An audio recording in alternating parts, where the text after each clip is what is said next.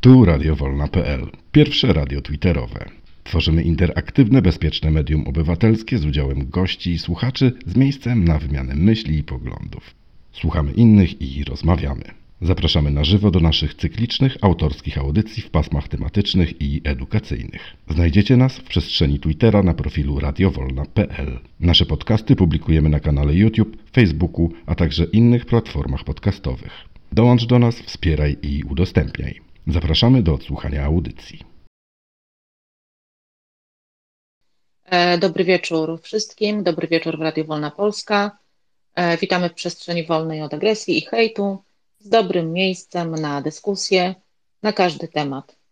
Mamy dzisiaj 23 listopada 2022 roku. Minęła godzina 21, a więc zaczynamy. E, gospodarzami dzisiejszego wieczoru są panowie Tadeusz Krupa oraz e, Arkadiusz Olszowy. Tematem dzisiejszego e, spotkania jest takie pytanie, czy chrześcijaństwo w Polsce się przyjęło. Spotykamy się dzisiaj wyjątkowo w środę, podkreślam. Temat dyskusji jest dla wielu z nas skłaniający do refleksji, u wielu może budzić kontrowersje. Dlatego naszą intencją jest e, rozważanie i poruszanie wielu aspektów e, na poziomie bardziej kulturowo-społecznym lub, e, jak ktoś woli takie pojęcie, na poziomie bardziej ogólnym. Dodam tylko tutaj jeszcze taką od siebie, taką ogólną informację, którą, którą sobie pozwolę popełnić z mojej pozycji, postrzegając e, e, religię jako ogólnie na takich czterech głównych aspektach, jako rolę taką światopoglądową, dotyczącą zagadnień, objaśnienia świata, e, jest podstawą wartościowania oraz elementem motywacji dla człowieka, może mieć funkcję wychowawczą, opiera się na wdrażaniu systemu nakazów i zakazów, na kanonach etyczno-moralnych oraz na kształtowaniu osobowości, zgodnie z tą doktryną religijną. E, kolejną rolą może być właśnie taka mm, rola polityczno-ideologiczna, e, koncentrująca się na kreowaniu ładu i porządku społecznego oraz modelowaniu zachowań zgodnych z zasadami tej religii. I taka czwarta rola, którą można ująć, to jest takie zaspokajanie potrzeb kulturowo-estetycznych poprzez przedmioty i treści stanowiące elementy E, kultu, takie jak modlitwa, obrzędy, czytanie Pisma Świętego. E, dlatego podkreślam tutaj to na początku, abyśmy odnieśli się e, do tych aspektów takich kładących nacisk właśnie na, na ten obszar społeczny, ponieważ wiele dyskusji toczyło się tutaj w kontekście Kościoła. Myślę, że te aspekty już chyba zostały wyczerpane, E, i nie do końca chyba musimy e, w tym kierunku iść, natomiast możemy to rozpatrzyć na, na tych takich właśnie poziomach, e, z którymi pewnie każdy z nas w jakiś sposób miał do czynienia. Także zapraszam do czynnej dyskusji, do udziału w, tutaj w rozmowach, a panów zapraszam do prowadzenia programu i panowie oddaję wam przestrzeń. Dziękuję bardzo. Dziękujemy bardzo za to, jak zwykle, wspaniałe e, wprowadzenie, Aniu. E, ja bym tylko dodał jeszcze tyle, że pewnie nie unikniemy mimo wszystko rozmowy o, o Kościele jako instytucji, bo to jest jeden z tych elementów e, sprawowania wiary w Polsce. I tutaj no, to jest temat, od którego bardzo trudno na pewno będzie uciec. Ale apeluję także o to, abyśmy opierali się na argumentach, abyśmy mówili o faktach i starali się nikogo nie obrażać, a w każdym razie nie negować e, osób, które, które wyznają taką czy inną religię. W tym naszym przypadku chodzi oczywiście o e, religię katolicką. E, zacznę może od pytania do Tadeusza. Tadeusz, jakie ty masz przemyślenia z tym związane? Dobry wieczór Państwu. Tadeusz Krupa, Kłaniam się oczywiście wszystkim, jak zawsze. Y, to pytanie, czy chrześcijaństwo w Polsce się przyjęło, wydaje się trochę prowokacyjne. Zresztą takie powinno być, bo chcemy, żebyście Państwo włączyli się aktywnie do dyskusji. Ale jeśli weźmiemy pod uwagę to, że chrześcijaństwo tu u nas na naszych ziemiach, głównie w postaci katolicyzmu, e, istnieje już ponad tysiąc lat, to to pytanie wydaje się nietrafione, no bo jeśli coś już tak długo istnieje i ma się dobrze, to, no to skąd pytanie, czy się przyjęło. Ale jeśli przyjrzymy się dokładnie losom katolicyzmu w Polsce, a szczególnie w ostatnim okresie, to myślę, że to pytanie jest uzasadnione. Może tytułem wprowadzenia do dyskusji, chociaż różni ludzie, różni nasi słuchacze mogą e, e, w różny sposób to interpretować, ale moim zdaniem, jeśli zwrócimy uwagę na historię, to proszę zauważyć, że przez ten tysiąc lat, nawet więcej, katolicyzm w Polsce był religią, która pomagała społeczeństwu walczyć. A to z zaborcami, a to z okupantami, a to z komunistami. Zawsze walczył, czyli bronił społeczeństwo przed czymś. Pomagał społeczeństwu przeżyć, zachować język, kulturę. I to tak się toczyło przez te wszystkie lata polskiej doli i niedoli. I oto mamy wybory, te pierwsze wolne, czyli yy, takie już naprawdę wolne, czyli rok 1991, tak, te lipcowe wybory. I znika zagrożenie. Nie ma przed kim społeczeństwa bronić. Wszyscy jesteśmy niejako po jednej stronie, bo komuniści odeszli w cień, zostali rozwaleni, nie ma właściwie żadnej tego typu grupy zagrażającej e, temu ładowi, który następuje po wyborach.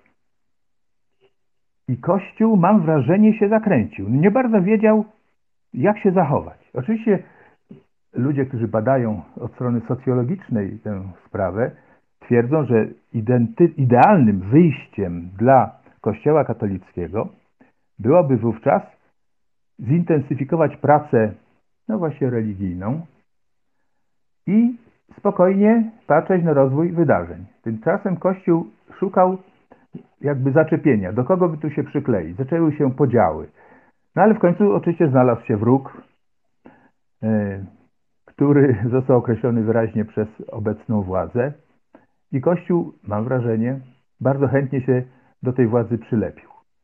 I oto jest wreszcie wróg, są to jacyś różni odbiegający od standardów ludzie. Społeczeństwo jest pluralistyczne, czego Kościół wcześniej nie widział i nie czuł i jakby nie musiał z tym się borykać. Każdy mówi co chce, myśli co chce, pisze co chce.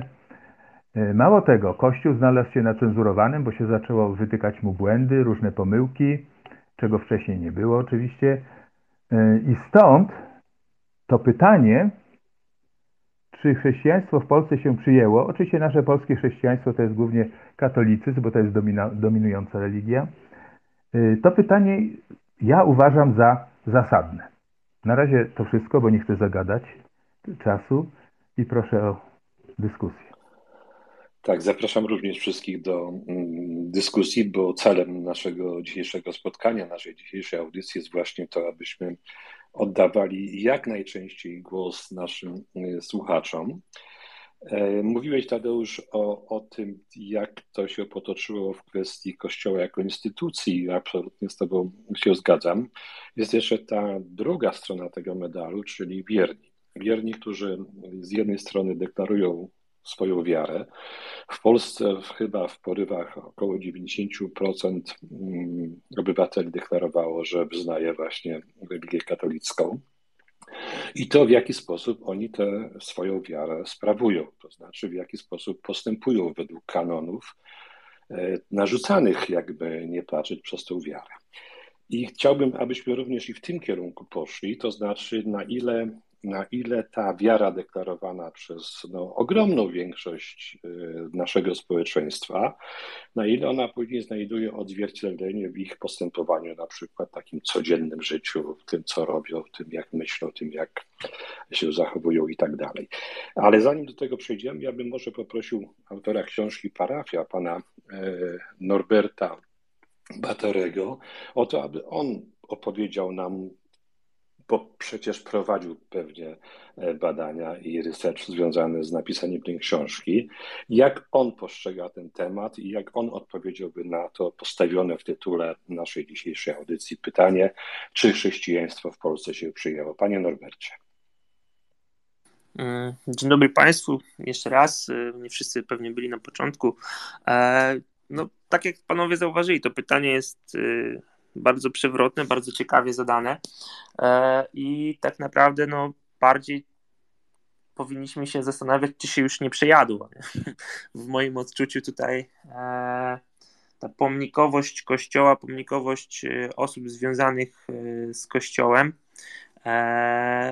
przekłada się na wiarę. No tutaj jak gdyby była próba, e, żebyśmy oddzielili temat wiary od tematu Kościoła, jednakże pomimo tego, że, że będziemy się starać to robić, no to jest nieuniknione, bo jednak e, jest to e, narzędzie, jakim wierni, jak wyznawcy Boga kontaktują się z Nim, czy jeżeli odchodzą od Kościoła, no to następstwem tego będzie, że w przeciągu, może nie oni sami, ale kolejnych pokoleń również ta wiara zostanie pewnie przez część z nich e, utracona. Ja tutaj myślę, że Kościół swój e, największy mm, prime time, tak powiem, może nie wiem, jak szczyt, szczyt, szczyt rozpoznawalności, szczyt e, sukcesów swoich święcił no, w czasach PRL-u, w czasach Solidarności. No, wtedy, gdy tak naprawdę mm, wiara w Boga i polskość i, i chodzenie do kościoła no to były synonimy, tak? Nie można było sobie wyobrazić polskości bez, bez wiary w Boga, bo Kościół był takim miejscem, w którym e, i wyznawano tą wiarę i e, przejawiano patriotyzm swego rodzaju, także wydaje mi się, że tutaj ciężko jest, e, aby te, o tym zapomnieć i no i to było głównym przyczyną tego, że Kościół jako ta instytucja również e, w obecnych czasach ma taką silną pozycję, no bo zapracowali na to w czasach, e, gdy faktycznie e, zrobili dużo dlatego, żebyśmy dzisiaj też żyli w wolnym kraju i myślę, że tych zasług nikim mm, odbierać nie będzie, tak jak na przykład księdzu Jankowskiemu, tak, którego pomnik i metaforycznie i, i mm, dosłownie w Gdańsku upadł, no to jego zasług dotyczących tego, co zrobił dla e, naszego kraju jako osoba, jako osoba e, duchowna, to jak e, współpracował z Lechem Wałęsą i pomagał, można powiedzieć, obalić komunizm w Polsce, no to tego nikt mu nie odbierze. Natomiast to, że był złym człowiekiem, jeśli chodzi o, o czyny pedofilskie, no rzuca duży cień na, na jego osobę i to jednak ten cień e, to jest to, co teraz ludzie aktualnie głównie kojarzą z jego osobą, a przez to przestają chodzić do kościoła, przestają, zaczynają się zastanawiać nad tym, czy, czy wiara w Boga faktycznie ma, ma sens, bo też w naszym społeczeństwie jest taki schemat, że robimy bezrefleksyjnie pewne rzeczy, chodzimy do kościoła bezrefleksyjnie, e, odmawiamy te modlitwy bezrefleksyjnie, powtarzając słowa, nie zastanawiając się nad ich znaczeniem. I w moim odczuciu dopiero teraz e, od pewnego czasu ludzie zaczynają się nad tym zastanawiać i, i to skutkuje tym, że mm, no, nasiliła się fala odejść e, raz, że z instytucji z kościoła, a dwa, że ludzie przyznają się do e, ateizmu, co w moim odczuciu też jeszcze w naszym społeczeństwie może, może trochę przesadzę z tym porównaniem, ale wydaje mi się, że to jest coś porównywalnego do homoseksualizmu, że ludzie boją się na przykład rodzicom e, wierzącym, konserwatywnym powiedzieć, że jest się ateistą, bo, bo jak rodzina zareaguje. Tak myślę, że to jest, e, no mówię, no, nie jestem przekonany co do tego porównania, bo tak naprawdę teraz mi przyszło ono do głowy, czego wcześniej nie stosowałem, ale tak jak teraz o tym myślę, to wydaje mi się, że to jest dosyć zbliżona sytuacja i jednak te naleciałości wciąż w naszym społeczeństwie są. I tak jak zacząłem, no to pytanie, czy ta chrześcijaństwo, czy ten katolicyzm nam się nie przyjada, to wydaje mi się, że powoli dochodzimy do takiego etapu. Dziękuję bardzo. Ja myślę, że wielu z nas zna takie przykłady, gdzie właśnie z powodu tego, co powiedzą rodzice, co powiedzą sąsiedzi, e, robi się na przykład e, to, że posyła się dzieci do komunii czy na lekcje religii, albo chrzci się te dzieci po prostu. I robi się to nie z własnego przekonania, ale właśnie po prostu dlatego, że presja społeczna jest tak duża, że nie wszyscy potrafią sobie z tym poradzić. Ale z tych dwóch wypowiedzi, to znaczy mojego kolegi redaktora Tadeusza Krupy i pana, panie Norbercie, jakby wynika taki jeden element, jakby ta wiara w zasadzie oparta była na patriotyzmie. To znaczy, gdyby nie było tego patriotyzmu, to co? Nie byłoby tej wiary, to ludzie by nie wierzyli w Boga albo wierzyliby słabiej w tego Boga. No bo skoro patriotyzm jest tak mocnym elementem przyciągającym kiedyś, po części może teraz także, mówię tutaj o prawej stronie, ludzi do kościoła, no to w takim razie, czy to nie jest czasem pomylenie i poplątanie tego, co jest no, głównym jakby e, i ma największe znaczenie dla, dla ludzi wierzących, czyli po prostu wiara sam samego Boga.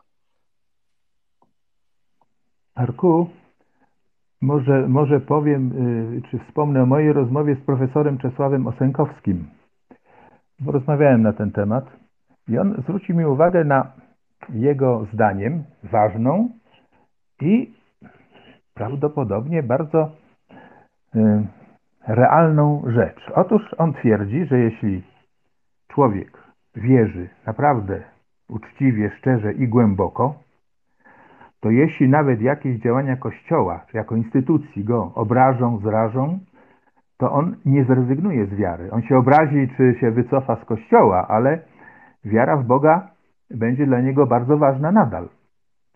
Stąd uważa, że można otwarcie i szczerze dyskutować o wadach Kościoła, przystosowywać go niejako do obecnych czasów i do wymogów grona wiernych, tych, którzy tworzą ten Kościół powszechny, bo to nie wpływa na ich przywiązanie do idei Boga, do Boga, do wiary, do i tak dalej. Nie wiem, czy, czy to jest prawdziwe, nie wiem z jakich to badań jego wynika, czy analiz, ale mnie to trochę przekonuje.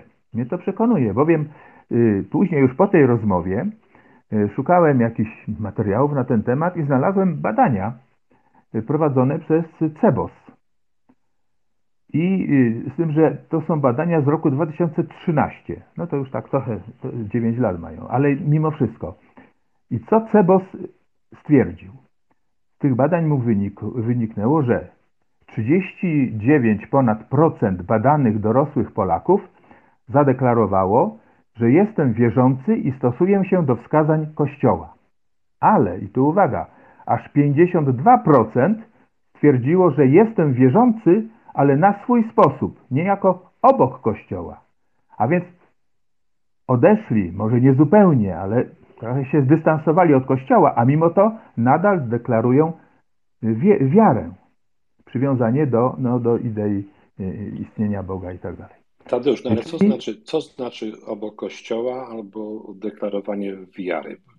Czy to nie jest w gruncie rzeczy to samo? To znaczy albo ktoś postępuje w myśl dekalogu, czy też dziesięciu przykazań e, w przypadku e, katolików, albo po prostu tego nie robi i, i, i, deklaruje wiarę, ale postępuje w sposób zupełnie odmienny, zupełnie inny. Czyli na przykład, nie wiem, bierze kościelny ślub, później się rozwodzi, później następny ślub, albo takie typowe przykłady, kiedy, nie wiem, idzie się na mszę, a ja znam takie przykłady z jakiegoś tam kiedyś mojego byłego otoczenia, że znałem taką rodzinę, która chodziła regularnie do kościoła, po czym wracali, on bił żonę i to było zupełnie normalne, ale deklarowali bardzo, bardzo głęboką, głęboką wiarę. Bardziej jakby to jest dla mnie istotne.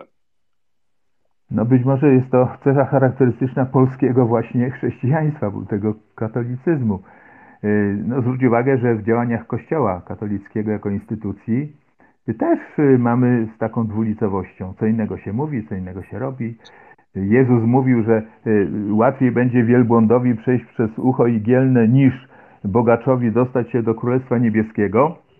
No a, a i to Kościół, no to Jezus powiedział, więc to jest taki kanon, którego nie można y, gdzieś odrzucić, schować czy zapomnieć. No a co robią y, przedstawiciele, nie wszyscy, ale wielu kościoła, no ganiają za majbachami, tak? No i teraz przecież społeczeństwo jest mądre i normalne, jeśli widzi, że sami księża nie przestrzegają tych prawd, które sami głoszą, no to no to właściwie bardzo łatwo się zdegenerować w takim świecie, który jest y, oparty o iluzje, o inne słowa, inne czyny.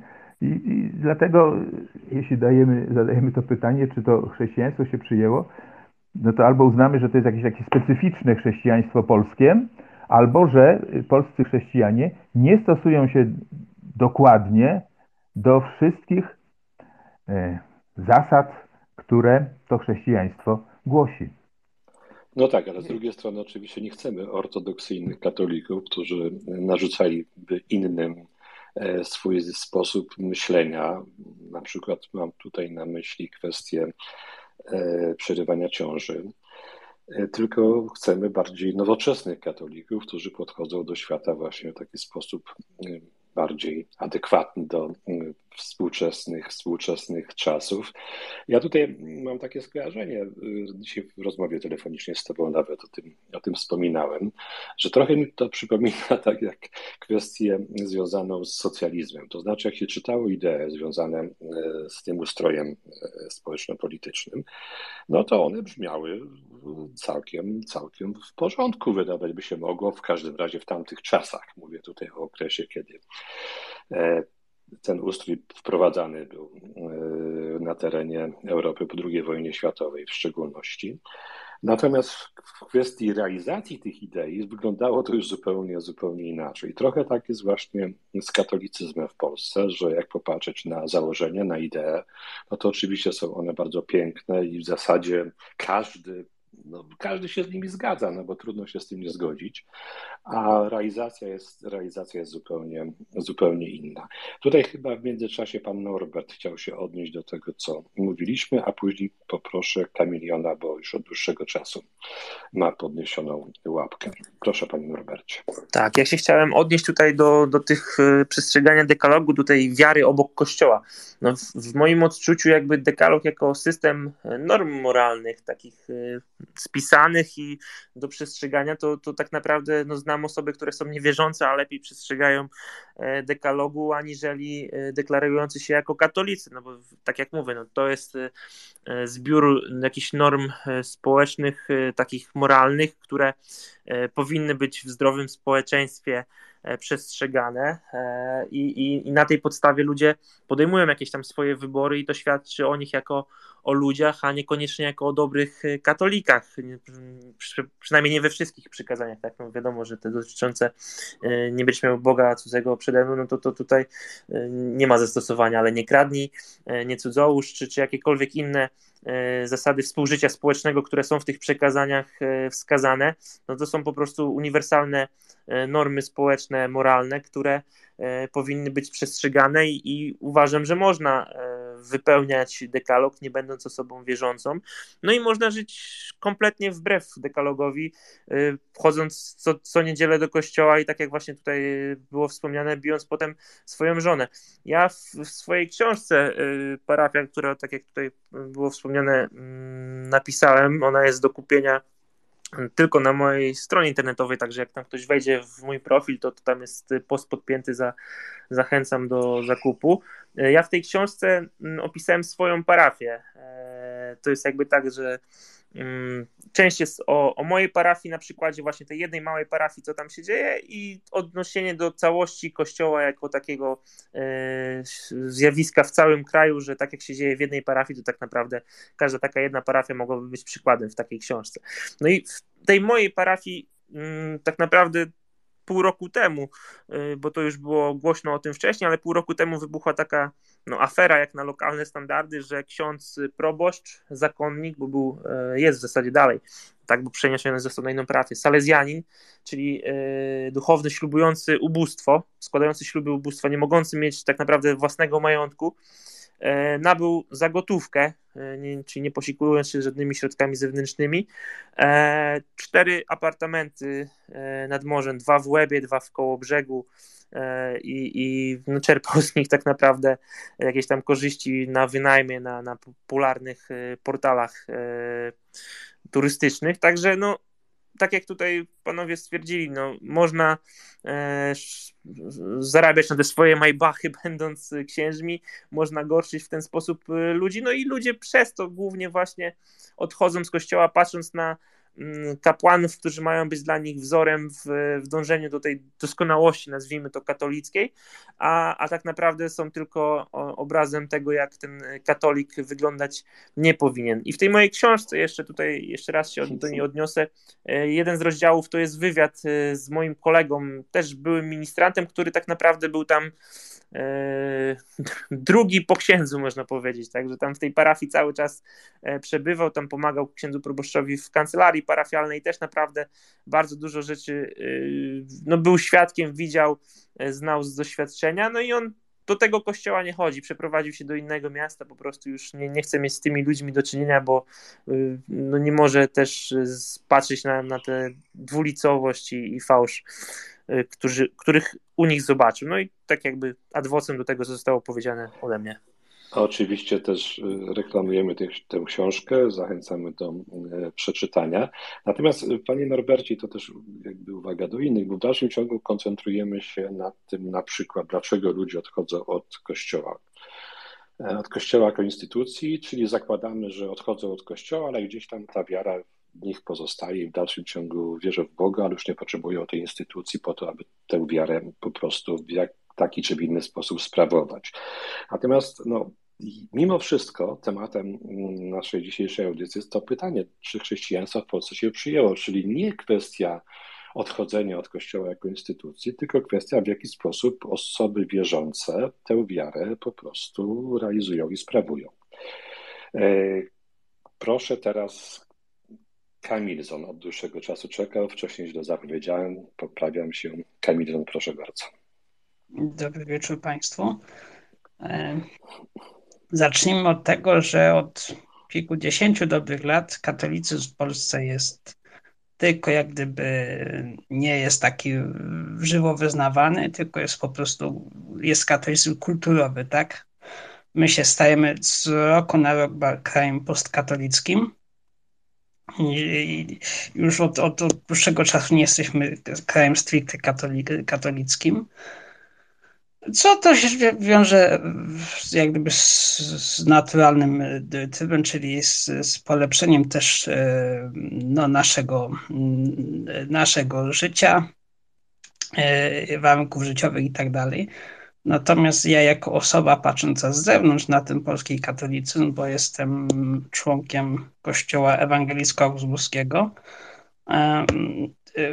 muszę takie pewne uwagi swoje dorzucić, gdyż y, no, na wsiach nie mieliśmy nigdy takiego e, czystego katolicyzmu. Na wsiach było coś takiego i dalszej pory jest, ale już to pomału wymiera co się nazywało pobożność ludowa. To był właśnie katolicyzm, taki można powiedzieć obudowany, e, luźny katolicyzm obudowany różnymi kusłami, zabobonami, no i z, z dość, dość mocnym e, kultem maryjnym, nawet wykraczającym poza, poza ramy katolicyzmu. E,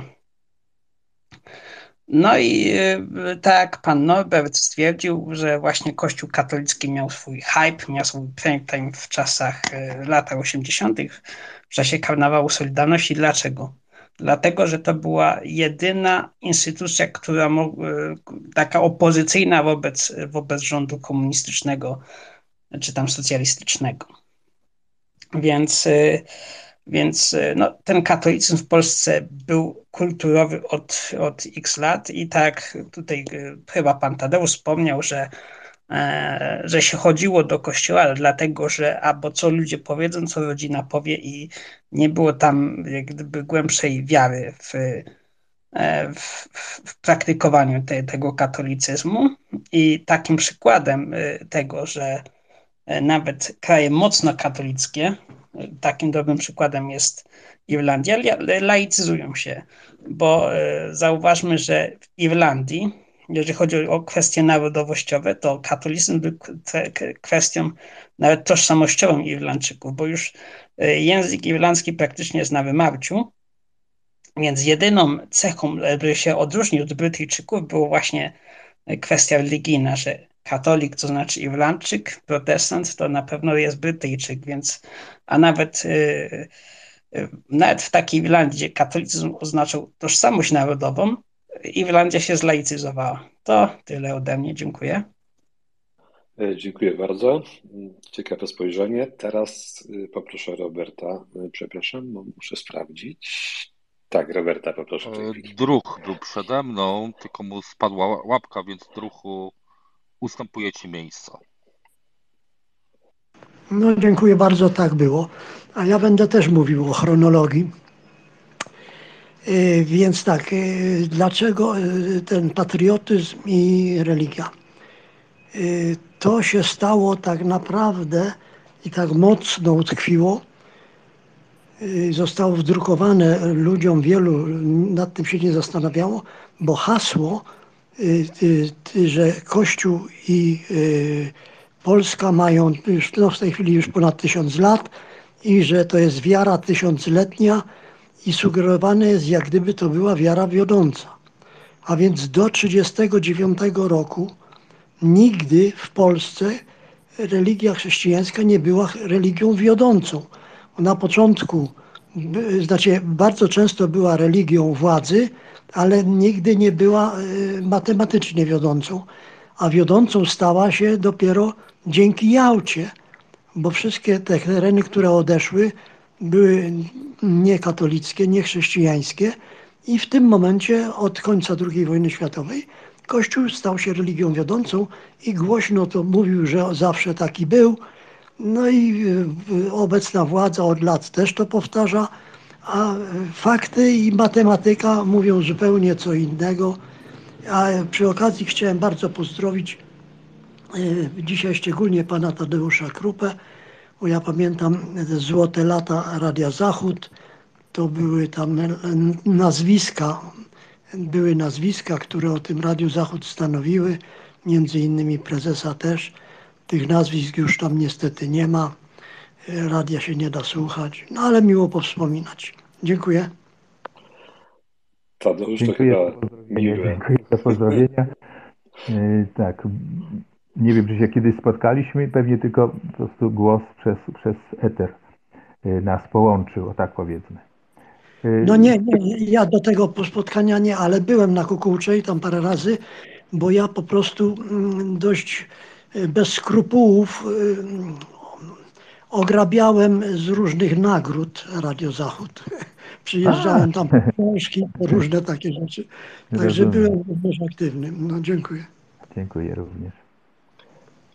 No, bardzo ciekawa, ciekawa historia przy okazji tej audycji i bardzo mm, nas to cieszy, mnie również, że był Pan uprzejmy o tym y, powiedzieć i przypomnieć o roli, jaką Tadeusz w tym y, radiu odgrywał. A teraz Robert, proszę bardzo. Dobry wieczór. E, To znaczy tak, no tutaj mogę się zgodzić z moimi poprzednikami na temat tego, jaki wpływ miała, miało, mm, miał Kościół katolicki e, na, na historię Polski. E, Rzeczywiście te tysiąc, ponad tysiąc lat temu on został przyjęty i tutaj trzeba powiedzieć sobie wprost, został przyjęty tylko po to, żeby tak naprawdę e, dostać ochronę przed atakiem i si- siłowym e, schrystianizowaniem, skatolikowaniem e, Polski przez e, zachodnich sąsiadów. Więc e, tak naprawdę przejście tego, e, tego było, było raczej takim e, podejściem e, wyboru e, lepszej, lepszej e, drogi niż, e, niż e, po prostu świadomego wybrania tej religii. Jednakże też mogę się zgodzić, że przez ten cały okres zaborów i okres PRL-u i nawet obecny okres, e, znaczy może obecny to nie, ale PRL-u, e, Kościół y, katolicki bardzo mocno był związany z ludźmi i jednak e, z tego co wiem i z tego co, e, co czytałem i rozumiem, był pomagał ludziom i pomagał opozycji w walce z, z mm, władzami. Nie będę dyskutował na temat, czy sam współpracował z władzami, czy, czy nie. Ale całe przywiązanie do katolicyzmu i właśnie ta tradycja, która została tutaj zbudowana, to była nie na podstawie wiary. Wiara była chyba według mnie dodatkiem, ale na podstawie właśnie takiego przywiązania i zbudowania więzi, więzi między uciskanym przez PRL i poprzednich zaborców społeczeństwem, a, a właśnie kościołem, który stawiał się jako ich, jako jego wybawca i, i pomocnik. Więc nie sądzę, żeby odpowiadając na pytanie, nie sądzę, żeby obecna obecna, bo pytanie na, na pytanie, które jest w temacie audycji, czy chrześcijaństwo się przyjęło, to mogę powiedzieć, że w większości według mnie nie. W większości jest to po prostu tradycyjne przywiązanie do, do różnych, różnego rodzaju tradycji związanych z katolicyzmem. No i tutaj, tutaj też bardzo bym prosił, ewentualnie sugerował, żeby jednak rozróżnić chrześcijaństwo a katolicyzm, bo ja akurat, mówiąc prawdę, rozróżniam te dwie, dwie kwestie i dla mnie katolicyzm jest, może to brutalnie zabrzmi, sektą chrześcijaństwa, a nie, więc no jeżeli mamy dyskutować o tym, czy chrześcijaństwo się przy, przyjęło, według mnie po części tak. Jeżeli mówimy o katolicyzmie, to właśnie mówmy o tym przywiązaniu pomocy, ze względu na pomoc, którą udzielał Kościół społeczeństwu. Dziękuję. Ja mam, dziękuję bardzo, zaraz, zaraz do tego nawiążę. Natomiast mam prośbę do Mateusza, ponieważ nie mogę udzielić mikrofonu Bedowi z jakichś powodów pewnie technicznych, to gdyby Tobie się udało to zrobić, to bardzo, bardzo proszę, ponieważ Med zgłasza chęć także zabrania głosu. Natomiast faktycznie zgodzę się tutaj, żeby się także zastanowić nad tym, na ile jest to kwestia pewnej tradycji, kultywowanej także przez osoby, które niekoniecznie deklarują swoją wiarę. Mam tutaj na myśli obchodzenie na przykład świąt Bożego Narodzenia, a na ile jest to faktycznie kwestia jakiejś tam głębokiej, osadzonej głęboko świadomości wiary wynikającej z potrzeby wyznawania właśnie tej, tej wiary. W międzyczasie poprosił o głos pan Robert Stachurski. Bardzo pana proszę. Dobry wieczór Państwu. Dziękuję za, za, za dzisiejsze spotkanie i przede wszystkim za to pytanie. Mój przedmówca właściwie praktycznie powiedział początek tego, co ja chcę powiedzieć. Tu trzeba rozróżnić właśnie w tym pytaniu chrześcijaństwo i katolicyzm. Bo, bo ja osobiście uważam, jeżeli byśmy zapytali dzisiaj katolików, dlaczego wierzą i w co wierzą tak na, na dobrą sprawę, czy potrafią i rozumieją to, co, w co wierzą, o czym księża mówią na mszach i co przyjmują bezkrytycznie często gęsto, bo powiedzmy sobie szczerze, Zastanówmy się przez chwilę, ilu chrześcijan, czy też nawet katolików tego, tego polskiego takiego chrześcijaństwa czytało od pierwszej do ostatniej strony, łącznie z przedmową kardynała Wyszyńskiego, Biblię. Ja y, nie raz, nie dwa rozmawiałem z różnymi ludźmi i dla nich Biblia to jest to, co ksiądz czyta i wielu mówi wprost, ale ja nie muszę tego czytać, bo ksiądz to czyta. To ksiądz interpretuje, ja mam tego słuchać.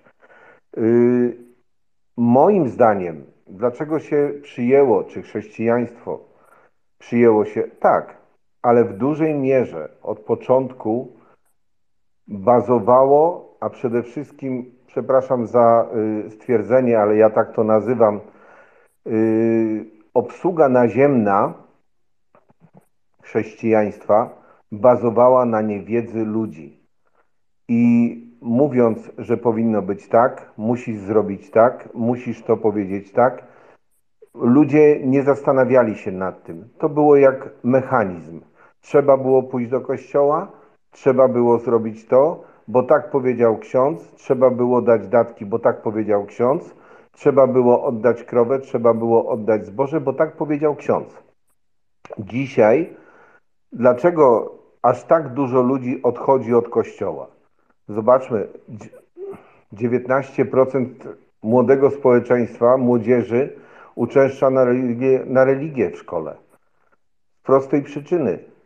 Młodzież ma dostęp do internetu. Młodzież trochę więcej się uczy. Może nam się wydaje, że oni się nie uczą, ale sporo czytają. I oni nie chcą słuchać tego, co na przykład słuchał mój syn w liceum i przyszedł z kwitkiem, mówi, tato, wypisz mnie z religii, dlatego że ja nie będę słuchał głupot, i tu mówię z pełną odpowiedzialnością głupot katechetki, że szafa, mebel, zaznaczam, szafa, mebel ma duszę. No, podpisałem im blanko, mówię, dobrze. Drugi syn przyszedł, tato, to ja w ogóle już nie będę na to chodził, bo ja przeczytałem Biblię i mam jedno pytanie i nikt mi nie może odpowiedzieć. Czy na pewno tak było, albo niech ktoś mi da dowody naukowe na istnienie Boga, na życie Jezusa i tak dalej, i tak dalej, i tak dalej. Także według mnie postawić trzeba by było drugie pytanie do, może na drugą audycję. Kiedy chrześcijaństwo lub właśnie katolicyzm zostanie mm, no niewykorzeniony, bo tego nigdy nie wykorzenimy, ale zmniejszy się ilość wiernych i dlaczego zmniejsza się ta ilość wiernych? Być może dobrze by było, żeby się zdarzyło tak, że jakiś ksiądz, nie wiem, hierarcha, czy jakikolwiek ksiądz był na, w czasie takiej audycji z nami, bo on by może wtedy zajął stanowisko, chociaż osobiście wątpię. Aczkolwiek znam też mądrych księży, którzy, którzy też mówią wprost. Jeżeli będzie tak, jak jest dzisiaj, i tak jak e, przychylają się do tego mojego stwierdzenia, my jako obsługa naziemna nie wyjdziemy do ludzi, nie powiemy ludziom tego, co chcą naprawdę usłyszeć, tylko będziemy ciągle w nich wpajać to, co Kościół chce, żeby oni słyszeli, to któregoś pięknego dnia będą puste kościoły i msze będzie dla jednego, dla drugiego, dla trzeciego człowieka. Dziękuję bardzo. E, dziękuję również. Bardzo trafne uwagi. Widzę, że nawet pan Norbert tutaj e, potwierdził, że jego, pana wypowiedź mu się bardzo podobała. Tylko pytanie może jest trochę głębsze, to znaczy, tu wrócę do tego, co wcześniej pan Norbert zasugerował na początku naszego spotkania. Czy nie należy postawić pytania, czy czasem nie jest tak, że te religie po prostu powoli się wypalają?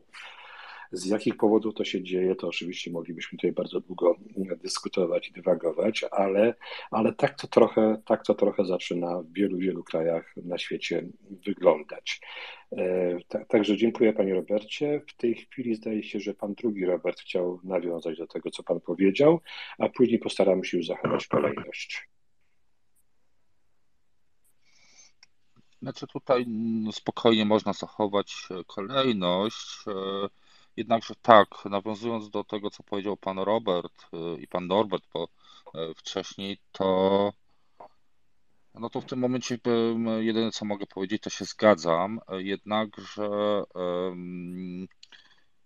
no cały czas, cały czas jest ta kwestia po prostu tych lokalnych naszych, naszych, naszych funkcjonariuszy e, tej religii i tu jest, i tu jest chyba największy problem, ponieważ oni e, zrobili tutaj wiele, wiele złego. Już nawet nie mówię o kwestii tego, tych, tych, tych nieszczęsnych, czy tam e, złych rzeczy, które, które oni robili dzieciom i innym osobom, ale mówię o złych rzeczach, które robili religii. Pytanie, które mogę rzucić w, w eter, to jest takie czy, mm, retoryczne pytanie, e, kiedy nastąpił kult e, e, Maryjny i oznaczenie, że Maryja jest Matką Boską i, i, mm, i jest i była w niebo wzięta z tego co, co, co wiem, to było, był to dopiero lata 50. XX wieku, więc e, większość tych, tych rzeczy, które w tej chwili Kościół katolicki pokazuje i, i wpaja na swoich spotkaniach, to są rzeczy, które nie powstały te 2000 czy 1000 lat temu, tylko rzeczy, które powstały w ciągu ostatnich kilkuset lat albo nawet kilkudziesięciu lat. Inną rzeczą jest to, że takie uroczystości, właśnie jak Boże Narodzenie czy Wigilia, to jest coś, co, co znowu Boże Narodzenie jako, jako święto to nie jest święto nigdzie wpisane w Biblii. I to nie jest żadne biblijne święto, to jest po prostu za przyjęte przez katolicyzm czy święto pogańskie Boga Słońca. Znaczy przykryte bardziej przez. Przykryte, dokładnie tak. Tak samo Wielkanoc jest przykrytym świętem, więc tutaj znowu, jeżeli chodzi o tam Wielkanoc w takim ujęciu, jakim przedstawia go Kościół katolicki, znowu nigdzie go nie ma w Biblii, więc można przyjąć, że, że większość tych świąt, które, które reprezentuje, które pokazuje Kościół katolicki, po prostu nie są świętami biblijnymi i stąd właśnie to moje rozróżnienie między chrześcijaństwem a katolicyzmem. Chrześcijaństwo po prostu opiera się według mnie na naukach proroka Jezusa Chrystusa, którego sam, sam Jezus Chrystus to jest, to jest tak naprawdę nazwa, która powstała z połączenia dwóch różnych tłumaczeń biblijnych. I i na, na, to chrześcijaństwo powstało z tego, a Kościół katolicki to po prostu powstał jako, um, jako organizacja, jako instytucja, która formalnie została oparta na chrześcijaństwie, a tak naprawdę była rządzona przez ludzi, i, którzy tworzyli te sprawa i rzeczy, które im były potrzebne do tego, żeby związać i przywiązać ludzi do siebie oraz do swojej tradycji. Okay, dziękuję bardzo, dziękuję, dziękuję. To się oczywiście wszystko zgadza, ale ja w dalszym ciągu będę, będę bardzo uparty. To znaczy, chciałbym, abyśmy także spojrzeli na tę drugą stronę, czyli na osoby, które tę wiarę deklarują, nie zawsze zgodnie z kanonami tej wiary postępują. Ja mam takiego znajomego, który mieszka w Stanach Zjednoczonych. Przepraszam, nie pamiętam w tej chwili, jaki odłam religii chrześcijańskiej on wyznaje, ale to jest taki odłam, którym oni nie mają kościoła, bo twierdzą, że nie potrzebują kościoła jako instytucji, nie potrzebują budynków, do których muszą chodzić, bo twierdzą, że ten kościół jest w nich samych, tam w środku. I to im absolutnie wystarcza. Jest to osoba bardzo głęboko wierząca. Jestem o tym przekonany, bo kilkanaście razy z nim na ten temat rozmawiałem. I argumenty, jakie mi podawał, były faktycznie argumentami bardzo przekonywującymi. Tak więc Oddzielny, proszę, jeszcze raz o to apeluję, kwestię instytucji jako Kościoła i kwestię wiary każdego, kto tę wiarę deklaruje i albo zgodnie z kanonami tej wiary postępuje, albo, albo po prostu tego nie robi. Nie śledziłem dokładnie kolejności, ale w takim razie pozwólcie, że wykorzystam swoją tutaj pozycję i teraz udzielę głosu Medowi. Proszę bardzo. Dziękuję. Taka była chyba kolejność. Witam wszystkich serdecznie. Znakomity temat pokoju. Trochę inna. Znakomity temat pokoju i ja chciałbym, być może, że było o tym wspomniane wcześniej, bo włączyłem się niedawno. Chciałbym się odnieść do preambuły w Konstytucji i troszkę jakby albo uprościć, albo skomplikować ten temat chrześcijaństwa czy kultury katolickiej w Polsce i sprawdzić, czy też podnieść temat przestrzegania wartości, jakie są wpisane w chrześcijaństwo. Czyli cytuję z, z preambuły z Konstytucji. Boga będącego źródłem prawdy, sprawiedliwości, dobra i piękna. No i teraz ciekaw jestem, w jakim zakresie te, te wartości prezentuje, prezentujemy, o tak bym powiedział. I to może być też definicją tego, czy to chrześcijaństwo w Polsce się przyjęło, czy nie, bo to, że ono jest, to jest fakt, ale czy przestrzegamy i czy czy, czy, czy te, te, te, te wartości są w naszych sercach i, i na co dzień z nimi e, żyjemy, bo ja mam takie przykłady gdzieś tam z jakiejś Polski przydrożnej, przepraszam, że to tak nazywam, ale podoba mi się ta nazwa takich mniejszych miejsc, które zresztą których jestem fanem, że ludzie mm, idąc do kościoła przekazują sobie znak pokoju, po czym wychodzą i biorą do ręki zaparkowane w cudzysłowie e, widły na parkingu i patrzą, któremu sąsiadowi wbić się w plecy. Odwołuje się właśnie do stosowania e, tych wartości, które niesie e, chrześcijaństwo. Dziękuję. Dziękuję bardzo. Tak, oczywiście. Jestem podobnego zdania, zresztą o tym kilkanaście minut temu, ale używając E, innego przykładu, innych argumentów e, wspominałem. E, teraz poproszę Zbigniew. No, dzień dobry. Ja powiem tak od końca. Zawsze się dobrze sprzedaje coś, czego nie można zobaczyć, nie można namacać, nie można spotkać, a czym można straszyć i zabobonnie się czego bać.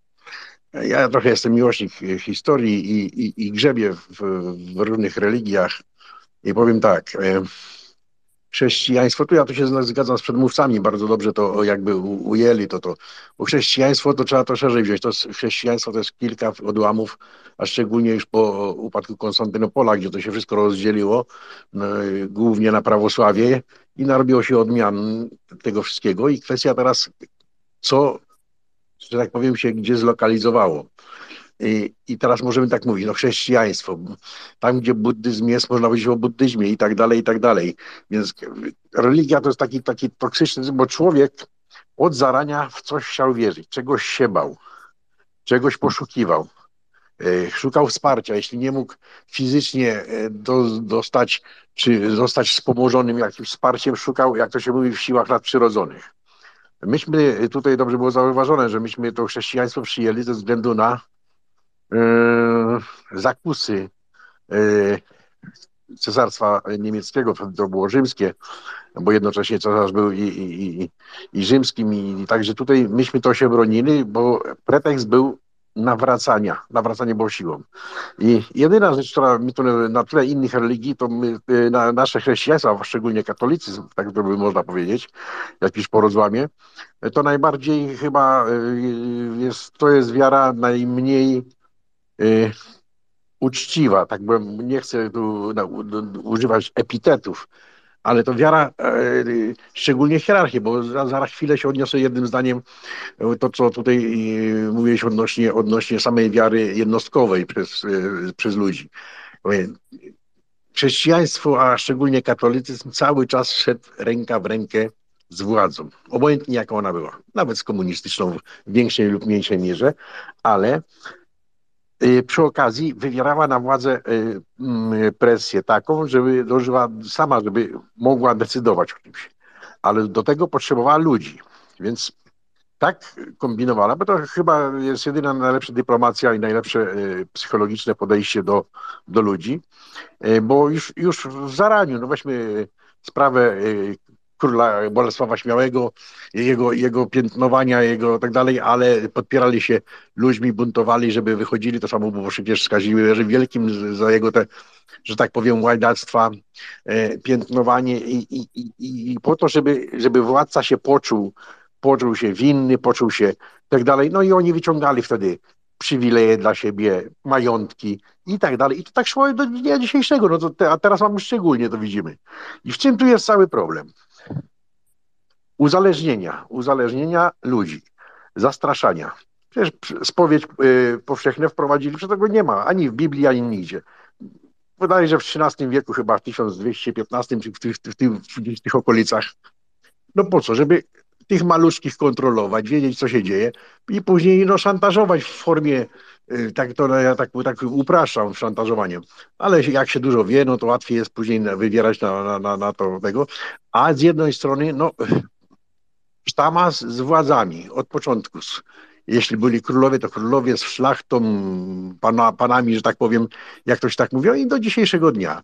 E, zresztą widzimy tutaj nawet na Twitterze krążyły, jak tam się coś działo e, i, i z Hitlerem, e, czy władza trzymała, no to co mówię, żeby nie, nie, nie ciągnąć. Cały czas z władzą, więc tu dlatego teraz to się ludzie, dlaczego to teraz odchodzą? Nie tyle może od wiary, co od kościoła katolickiego.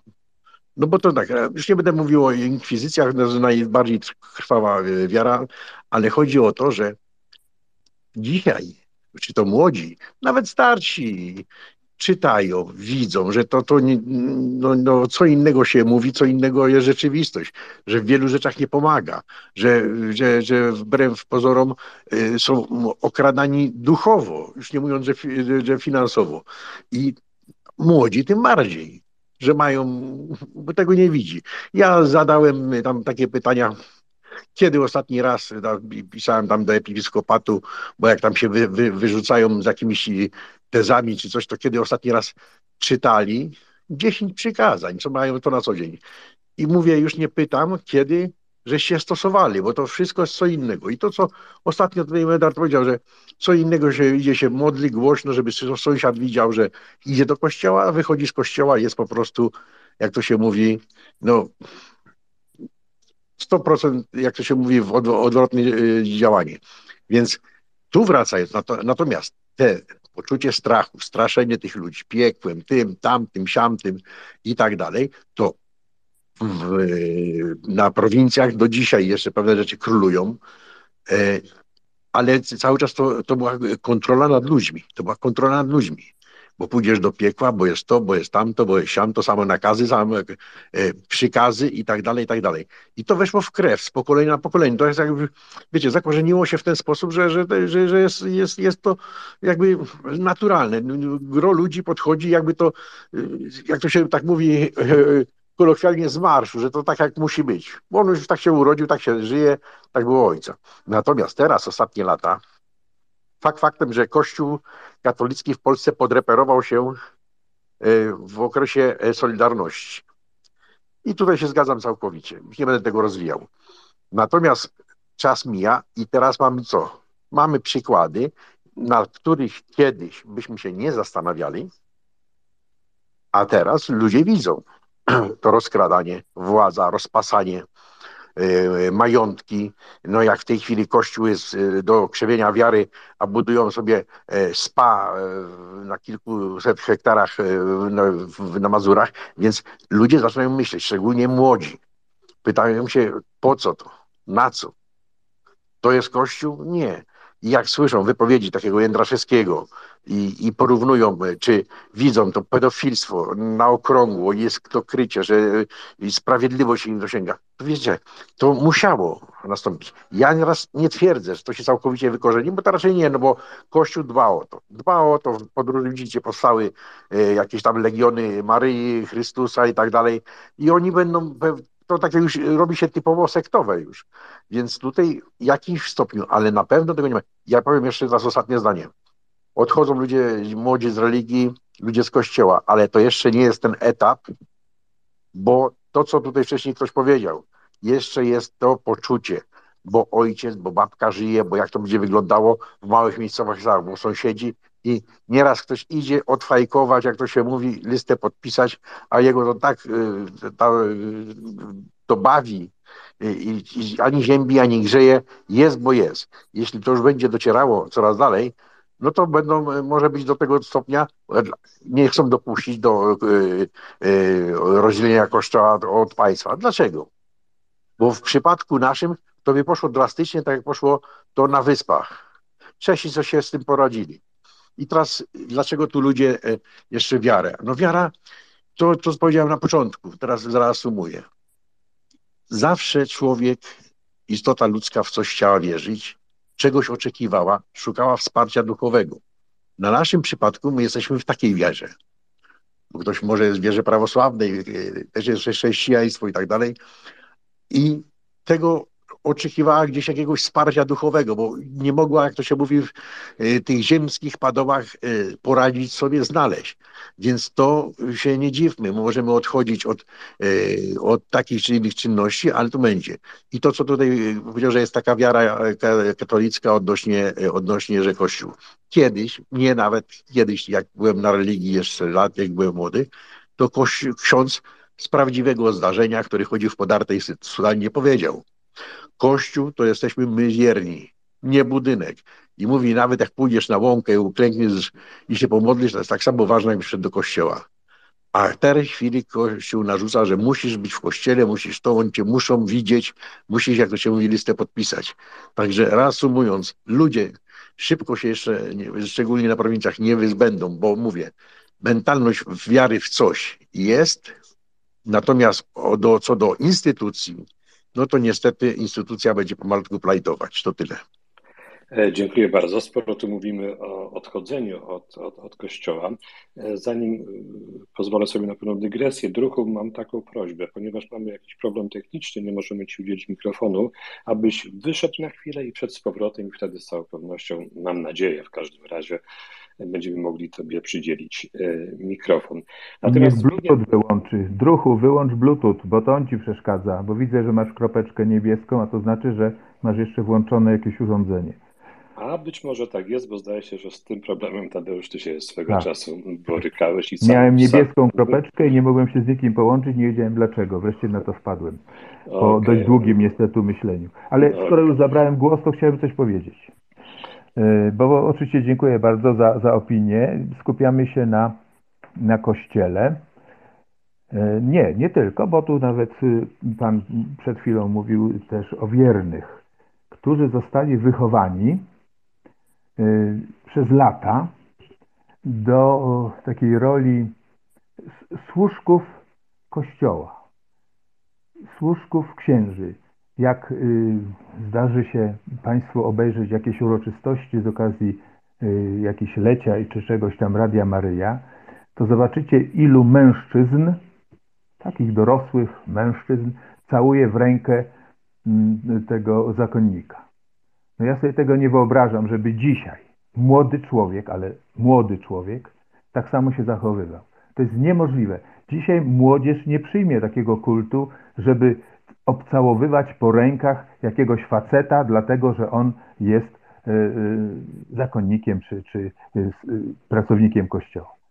Poza tym te wszystkie idiotyzmy typu, że ksiądz nie przenosi różnego rodzaju wirusów, bo ma konsekrowane dłonie, to pan Jędraszewski tak powiedział, młodzież w to nie uwierzy. Czyli zakładam, że jeśli to pokolenie wychowane do kłaniania się, do y, totalnej podległości, do strachu przed księżmi odejdzie, to młodzież nie pociągnie dalej tego wózka. A to jest szkoda, bo społeczeństwu, jak Pan powiedział przed chwilą, Kościół, wiara. Wiara jest potrzebna, a Kościół powinien y, służyć tej wierze i przygotowywać ludzi do y, mądrego praktykowania tej wiary. Natomiast druga refleksja, to zwróciłem uwagę, że już na początku XIV wieku cesarz rzymski Teodozjusz uznał religię wówczas y, chrześcijańską za najważniejszą, czyli państwową religię w Cesarstwie Rzymskim. Wszystkie inne religie i, i wiary, tam oczywiście było mnóstwo tych różnych bożków i tak dalej, to rozumiem, ale wszystko zostało zabronione. Czyli po raz pierwszy zdecydowanie władza państwowa stanęła po stronie chrześcijaństwa i swoją mocą, mocą urzędu i państwa, zabroniła wiary w cokolwiek innego. I to jest chyba największy dramat Kościoła. On się z tego nigdy nie chciał, być może mógłby, ale nigdy nie chciał się z tego wyzwolić. Teraz widzimy to samo przecież, tak? Kościół y, jest związany z, y, z władzą bardzo mocno. Nie wiem, co władza mu daje, bo poza pieniędzmi oczywiście, ale przez to Kościół nie zabiera głosu y, w sprawach różnych nacjonalistycznych, szowinistycznych i innych wystąpień, bo się nazywają patriotyczne, a władza uważa, że to jest patriotyzm, no to Kościół tego nie protestuje. I znowu ci wierni, którzy nigdy nie zdobyliby się na jakiś protest wobec tych kościelnych decyzji, nie powiedzą swojemu księdzu, co wy tam wyrabiacie, tylko całują go w rękę, to oni tego nie zmienią. I dlatego Kościół się nie zmienia, bo myśli, że nie musi. A on musi, bo inaczej, tak jak tutaj mówimy, przestanie istnieć, bo młodzież nie zaakceptuje takiej podległości, tych różnych obrzędów, z noszeniem figur, obrazów. To, to jest przeszłość. Dzisiejszy świat inaczej się obraca. Młodzież żyje w innym wymiarze. Nie będą na kolanach iść przez wioskę, niosąc obraz po to, żeby tam następna rodzina ten obraz wzięła. Młodzi tego nie zaakceptują.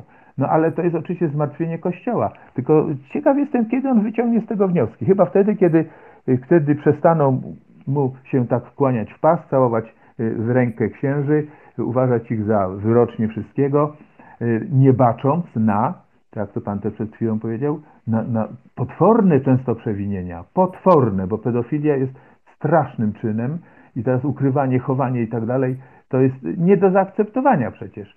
Myślę, że nowe pokolenia tego nie zaakceptują. Dziękuję Tadeusz. Oczywiście bardzo cenna uwaga i cenna wypowiedź. Natomiast zanim ja znowu skorzystam ze swojego prawa przydzielania głosu, taka mała dygresja. Mam takie pytanie, jak myślicie, gdyby Robert Lewandowski, tutaj jakby nawiążę do aktualnego tematu, był osobą, która zdradza swoją żonę, czyli panią Anię Lewandowską, nie wiem, nadużywa alkoholu, baluje gdzieś tam w jakichś dyskotekach, a szczeliłby wczoraj tego karnego, to co, mniej byśmy go uwielbiali, czy, czy tak samo, bez względu na to, kim on jest i co robi? Myślę, że byłoby tak samo, to znaczy, czy to, co robi Kościół katolicki w Polsce, naprawdę musi mieć tak ogromny wpływ na to, w jaki sposób wierni tę swoją wiarę realizują i, i, i wyznają? Nie, wydaje mi się, że ma to oczywiście jakiś wpływ, ale dla osoby naprawdę głęboko wierzącej chyba to nie ma aż tak wielkiego znaczenia, czy jeden czy drugi ksiądz postępuje niezgodnie z, z kanonami wiary, którą naucza, której naucza i, i wymaga przestrzegania tych kanonów od, od innych. Ale to jest taka mała moja osobista dygresja. Teraz, jak powiedziałem, korzystając ze swojego prawa przydzielania głosu, poproszę Anna Gryta. O, dziękuję bardzo, jestem, się zaskoczyłam. Dobry wieczór wszystkim. Ja bym chciała odpowiedzieć na to pytanie, bo, bo ja lubię, jak się odpowiada na pytania. Czy chrześcijaństwo w Polsce się przyjęło? Nie. Czy katolicyzm w Polsce się przyjął? Tak. Dlaczego ja takie rozróżnienie stosuję? Ponieważ no, wiele jakby z tych podstaw chrześcijaństwa, z jakichś dogmatów chrześcijaństwa, to są prawdy, powiedziałabym, ogólnoludzkie, jakieś humanistyczne, które możemy stosować, czy stosujemy w życiu takim tak zwanym codziennym, albo których nie stosujemy w życiu codziennym i stąd sądzę, że tak nie do końca się to chrześcijaństwo w Polsce przyjęło. Co do tego katolicyzmu, no ja też lubię religię, nawet zdawałam ją w formie ustnej i pisemnej na maturze i mogę powiedzieć, że koleżanki, które siedziały dwie obok z liceum medycznego dostały taki temat na maturze pisemnej rola Kościoła w społeczeństwie i państwie. To była oczywiście matura z historii. Trzeba było to opisać jakby od pierwszych przywilejów do czasów współczesnych. Nie wiem, jak im tam poszło. Mam nadzieję, że jak najlepiej. Ale ja pamiętam, że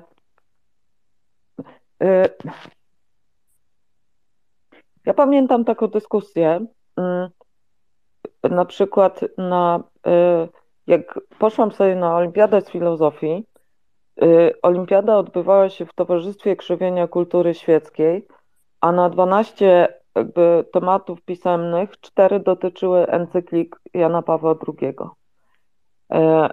Więc oczywiście można to rozpatrywać z punktu widzenia jakichś tam propozycji filozoficznych. Natomiast wydaje mi się, że zapominamy, że ten kościół w Polsce e, trochę się przekształcił w takim sensie, że duży wpływ na e, tą społeczną naukę Kościoła miał Wyszyński, prawda? E, on przecież po, właściwie mówił o tym kościele ludowym. E, I stąd uważam, że katolicyzm się w Polsce przyjął, ale w taki sposób bardzo, e, bardzo obrzędowy. Jesteśmy przywiązani do tradycji, jesteśmy przywiązani do zewnętrznych form kultu. Natomiast on przecież też trochę o tym mówił, że, że Kościół w Polsce jest zbyt właśnie kultyczny, więc za E, za mało jest jakby za, jest za daleko od takich e, tych codziennych spraw ludzkich. I to trochę powodowało, spowodowało moim zdaniem, że mm, jeżeli wcześniej były dyskusje takie w kościele, powiedzmy głęboko filozoficzne, to właściwie od tamtego momentu ja, mi się wydaje, że one się trochę skończyły, że jakby przeszliśmy do y, bardziej do takich spraw codziennych ludzkich, y, właśnie do rozmawiania, jaka jest rola nie wiem, y, kobiety w, y, według Kościoła katolickiego, czy na przykład to, jak Wyszyński mówił o tym, że, że na przykład rodziny, które mają czworo dzieci, na przykład powinny mieć więcej, więcej głosów w wyborach przy, przyznane i tak dalej. Więc wydaje mi się, że mm, w pewnym momencie, jeżeli wcześniej było, bo trudno mi jakby to, to do końca ocenić, ale wydaje mi się, że od tego, od popularyzacji idei tego kościoła e, ludowego właśnie, mocno odeszło się od takiego, mm, od tej duchowości właśnie, od tego, co powinno być istotą religii, czyli mm, właśnie zastanawianie się nad tym, e, jakby gdzie jest to moje miejsce w świecie też jak, e, jak ja mam wypełniać, jak ja mam rozumieć, jak ja mam wypełniać na, e, na co dzień te, e, te prawdy wiary. Natomiast wtedy, mm, wtedy przeszliśmy jakby do tych spraw codziennych i do tego, i do tego, do tych, bo to się nazywa nauka społeczna, ale powiedziałabym, że właśnie kwestie jakieś polityczne zaczęliśmy rozpatrywać. Więc myślę, że, że katolicyzm się w Polsce przyjął, bo, e, bo on jest mało duchowy e, w tym sensie właśnie tej, tego kościoła ludowego. On się głównie ogranicza właśnie do, do takiej obrzędowości, a, a obrzędowość lubimy od czasów pogańskich też, więc no jakby przeszliśmy gładko z jednego do drugiego. Takie jest takie jest moje. Takie jest moje zdanie. Dziękuję. E, dziękuję, Aniu. E, teraz e, pan Norbert wcześniej chyba chciał zabrać głos, ale nie wiem, czy jeszcze jest to aktualne, panie Norbercie. To znaczy, no ja się chciałem odnieść jeszcze może początkowo do tego cytatu z Konstytucji, potem jeszcze do, do tego, co było później mówione, ale tak już w sumie poszliśmy tak daleko, że, że nie wiem, czy jest sens jeszcze do tego wracać, no ale jak już zostałem e, tutaj wywołany, że tak powiem, to, to sobie może pozwolę, no bo w Konstytucji faktycznie w preambule mamy e, te wartości wypisane Boga będącego źródłem prawdy, sprawiedliwości, dobra i piękna, no ale warto też zaznaczyć, że dalej jest jak i niepodzielającej tej wiary, a te uniwersalne wartości wywodzące z innych źródeł. Także tutaj też e, to w Konstytucji ta wolność swobody wyznania była e, wskazana, że, że, że może istnieć, także tutaj też warto zaznaczyć, że, że to nie tylko do osób e, wierzących i, i te wartości biblijne zostały wymienione, ale też te z innych źródeł pochodzących. I tutaj też Następny z panów, który się wypowiadał, e, mówił o tym, że jesteśmy niejako szantażowani e, przez instytucje Kościoła, przez wiarę e, w to, żeby właśnie wierzyć. No ja tutaj w ostatnich dniach moja koleżanka akurat zmarła, miała raka. Miała też, była jakby chora jeszcze w wieku przedszkolnym, potem wyzdrowiała, teraz była matką dwójki dzieci, tam 2-4 lata, szczęśliwa, no zawsze uśmiechnięta dziewczyna i tak sobie właśnie myślę, że z jednej strony jak Bóg może istnieć i, i na ludzi takie ciężkie choroby, takie rzeczy, że, że odbiera no, maleńkim dzieciom ich mamę, a z drugiej strony potem ktoś mi może powiedzieć, no, że tak, że Bóg taki miał dla niej plan, że chciał ją mieć bliżej siebie, no i teraz y, ta rodzina zaraz też do niej dołączy. No i to jest takie szantażowanie tej rodziny, że muszą być teraz blisko Boga, e, blisko e, Kościoła, żeby do, do z tej swojej mamy, żony e, dołączyć. Także taki jakby właśnie ten, ten motyw szantażu chciałem w ten sposób też tutaj nawiązać i myślę, że to tylko tyle ode mnie. E, dziękuję bardzo. Trochę te nasze wypowiedzi brzmią w taki sposób, jakbyśmy wszyscy tutaj byli ateistami. Jeżeli są wśród nas osoby głęboko wierzące, to myślę, że ten głos byłby także dla nas e, bardzo cenny. E, zdradzam Wam pewną taką tajemnicę od kuchni. Niestety mm, nie doszło to do skutku. Przeglądam teraz osoby, które uczestniczą w naszym spotkaniu. Zaprosiłem do rozmowy takiego bardzo znanego polskiego jezuitę, ale niestety no, do tej pory go nie widzę. Być może jeszcze się e, podczas naszego e, spotkania mm, pojawi.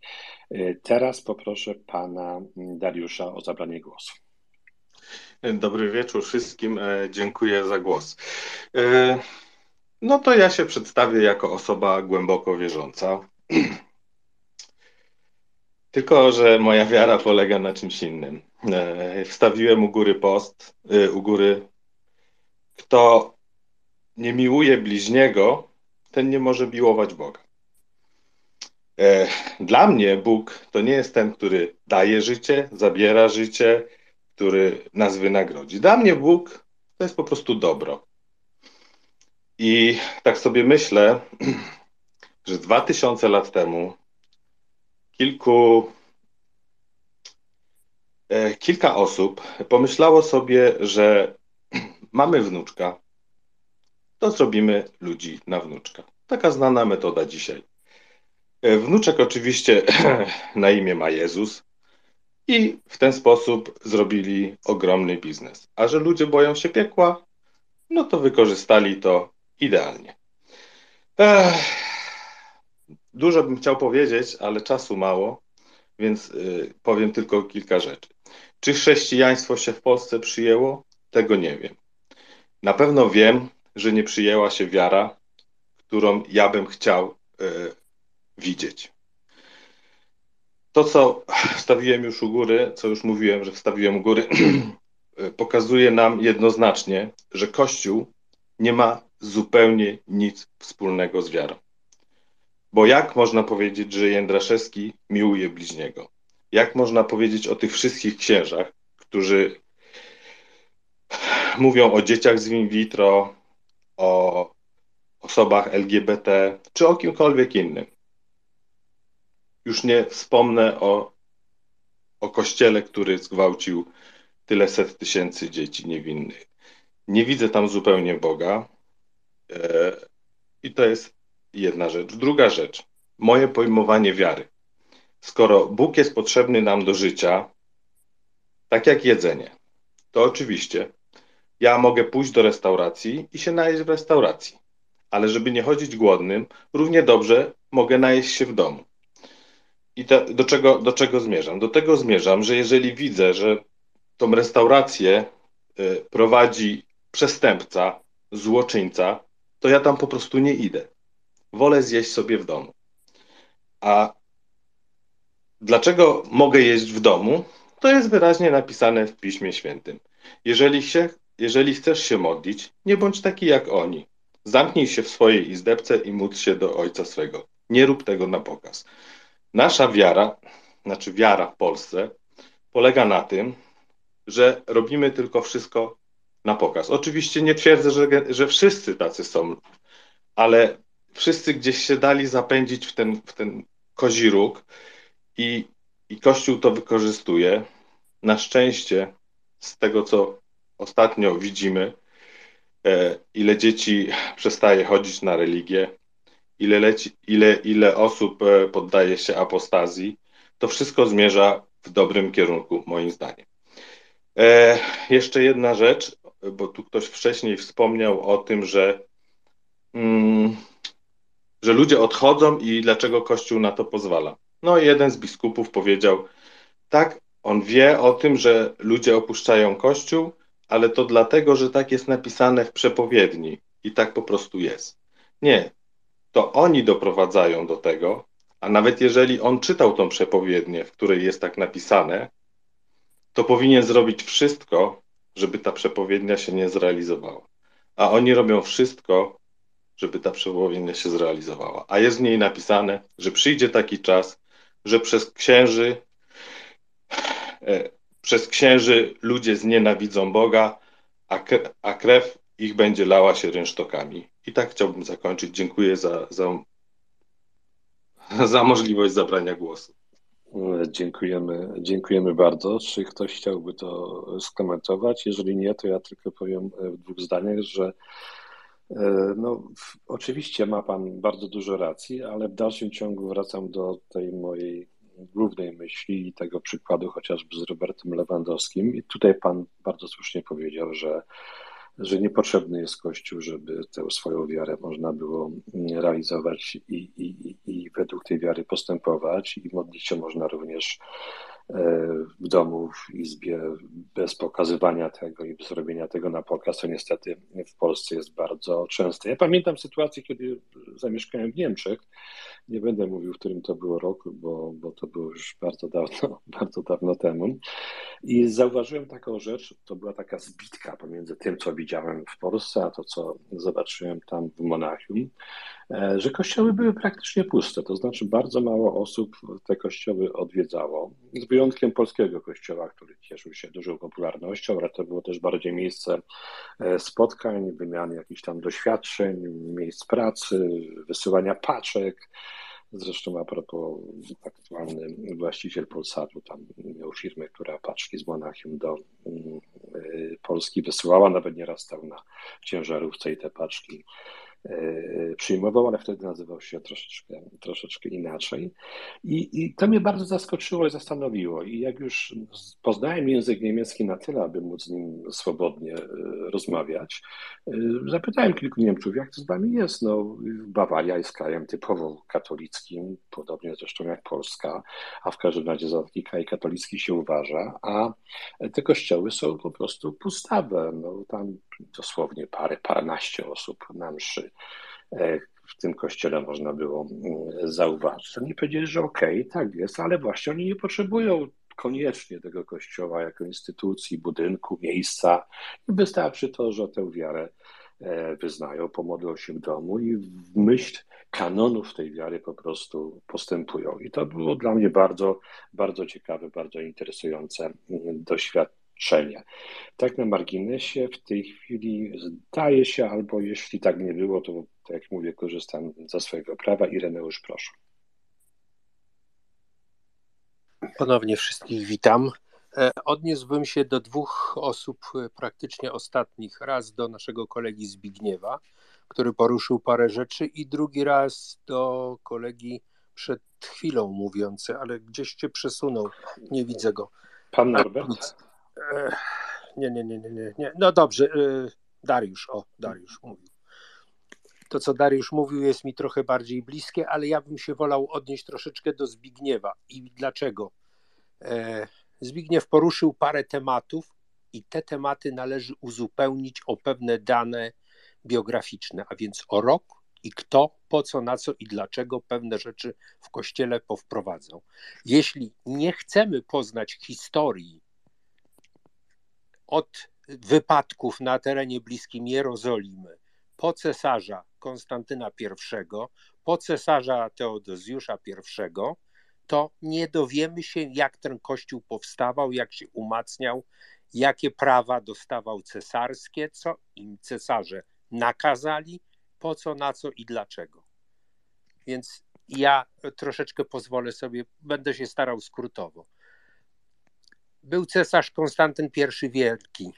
Wielki dostał później, właśnie dlatego, że uporządkował w cesarstwie kwestie wszystkich religii. Cesarstwo było wielkie i wszyscy namiestnicy cesarscy zarządzający prowincjami przysyłali porządne raporty, okresowo i potem podsumowaniu rocznym, z tych raportów czytający zbierali informacje i przekazywali do cesarza: Wasza wysokość jest źle. Mamy tak dużo zarejestrowanych kościołów wyznań jako oficjalne, zwłaszcza w tych obszarach podbitych jak, jak Hiszpania, jak Frankonia, jak część Niemiec, ale to samo się dzieje w Afryce Północnej. E, częściej łatwiej jest powiedzieć geograficznie dzisiaj, nawet na terenie dzisiejszej Turcji, więc coś trzeba zrobić. Wasza wysokość, nie możemy tak, e, bo przestaje cesarstwo panować. I któryś z doradców cesarza, to było rok mniej więcej 311 podobno, podpowiedział cesarzowi: załóżmy własną religię, własny kościół cesarski. Te wszystkie niech sobie jeszcze będą, żeby nie wprowadzać chaosu, nie wprowadzać żadnych rozruchów, protestów. Zakładamy kościół cesarski. I jest rok 313. 313. Cesarz Konstantyn I w Mediolanie ogłasza swój edykt dotyczący przyznania wszelkich swobód wyznaniowych chrześcijanom. Wcześniejsi cesarze robili pewne, pewne poluzowania swobodnie, stopniowo. Poprzedni przed, przed e, Konstantynem po prostu też tam poluzował troszeczkę, ale to nie wystarczało. Pamiętacie, kto niszczył chrześcijaństwo, które w Cesarstwie Rzymskim było już w dość sporej skali? No ten cesarz, który podpalił Rzym. Paranoik, czy człowiek trochę psychiczny, chociaż artysta w charakterze. Cesarz Konstantyn I, będąc cesarzem Cesarstwa Zachodnio-Rzymskiego, uzgodnił ten tekst w podobnej treści z cesarzem wschodnio-rzymskim w Konstantynopolu. Właściwie nie wiem, tak dokładnie nie wnikałem, ale miało się pojawić te dwa edykty dokładnie w tym samym czasie.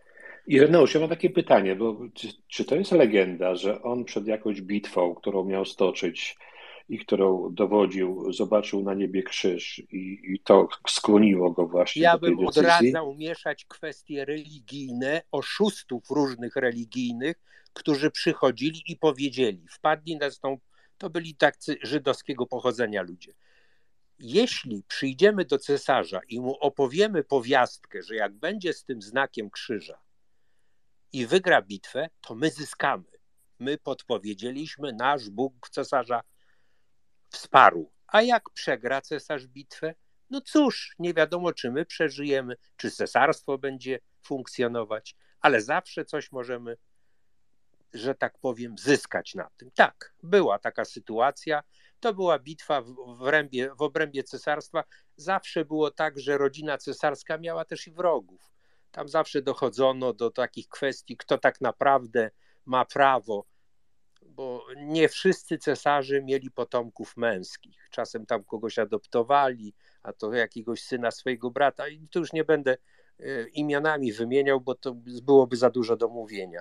Także były takie, takie sytuacje, ale 313 rok, e, mówimy o tej naszej części kościoła, potem docelowo katolickiego. Nie wnikajmy w chrześcijaństwo wschodnie. Ono miało troszeczkę inną drogę choć z początki były te same. Dwaj cesarze ogłosili swoje edykty. Cesarz zachodnio-rzymski, Konstantyn, był w tym czasie w Mediolanie. Wiemy, gdzie jest Mediolan, wielka, wielkie miasto. Ja tam też spędziłem trochę czasu, także też znam. Mm, ogłosił ten edykt i pozwolił chrześcijaństwu występować oficjalnie. Gminy chrześcijańskie nie musiały się ukrywać, zaczął się powoli rozwój, zaczęło się to wszystko organizować. Mieli więc prawo, nikt już ich nie zwalczał, nie było, że tak powiem, napadów kohort rzymskich, które jak za czasów Nerona mordowały chrześcijan, uważając, że to podpalacze, roznosiciele chorób i tak dalej, jeszcze innych rzeczy. I cesarz dał czas, czas wiedząc, że no, musi się rozejść wieść w cesarstwie, że można się rozwijać i tak dalej. To wszystko się rozwija. Zbliża się rok mniej więcej 20, 21, drugi i cesarz zadaje pytanie swoim doradcom. Podobno tak było. Tak przynajmniej niektórzy kronikarze wspominali. Po edykcie mediolańskim jaki jest rozwój, czy jest szansa, że jest już podstawa, żebyśmy powołali Kościół cesarski. Bo gminy miały się porozwijać, ale nie chodzi o to, żeby był, były to kolejne jakieś ośrodki regionalne, które, których każda w, w urzędzie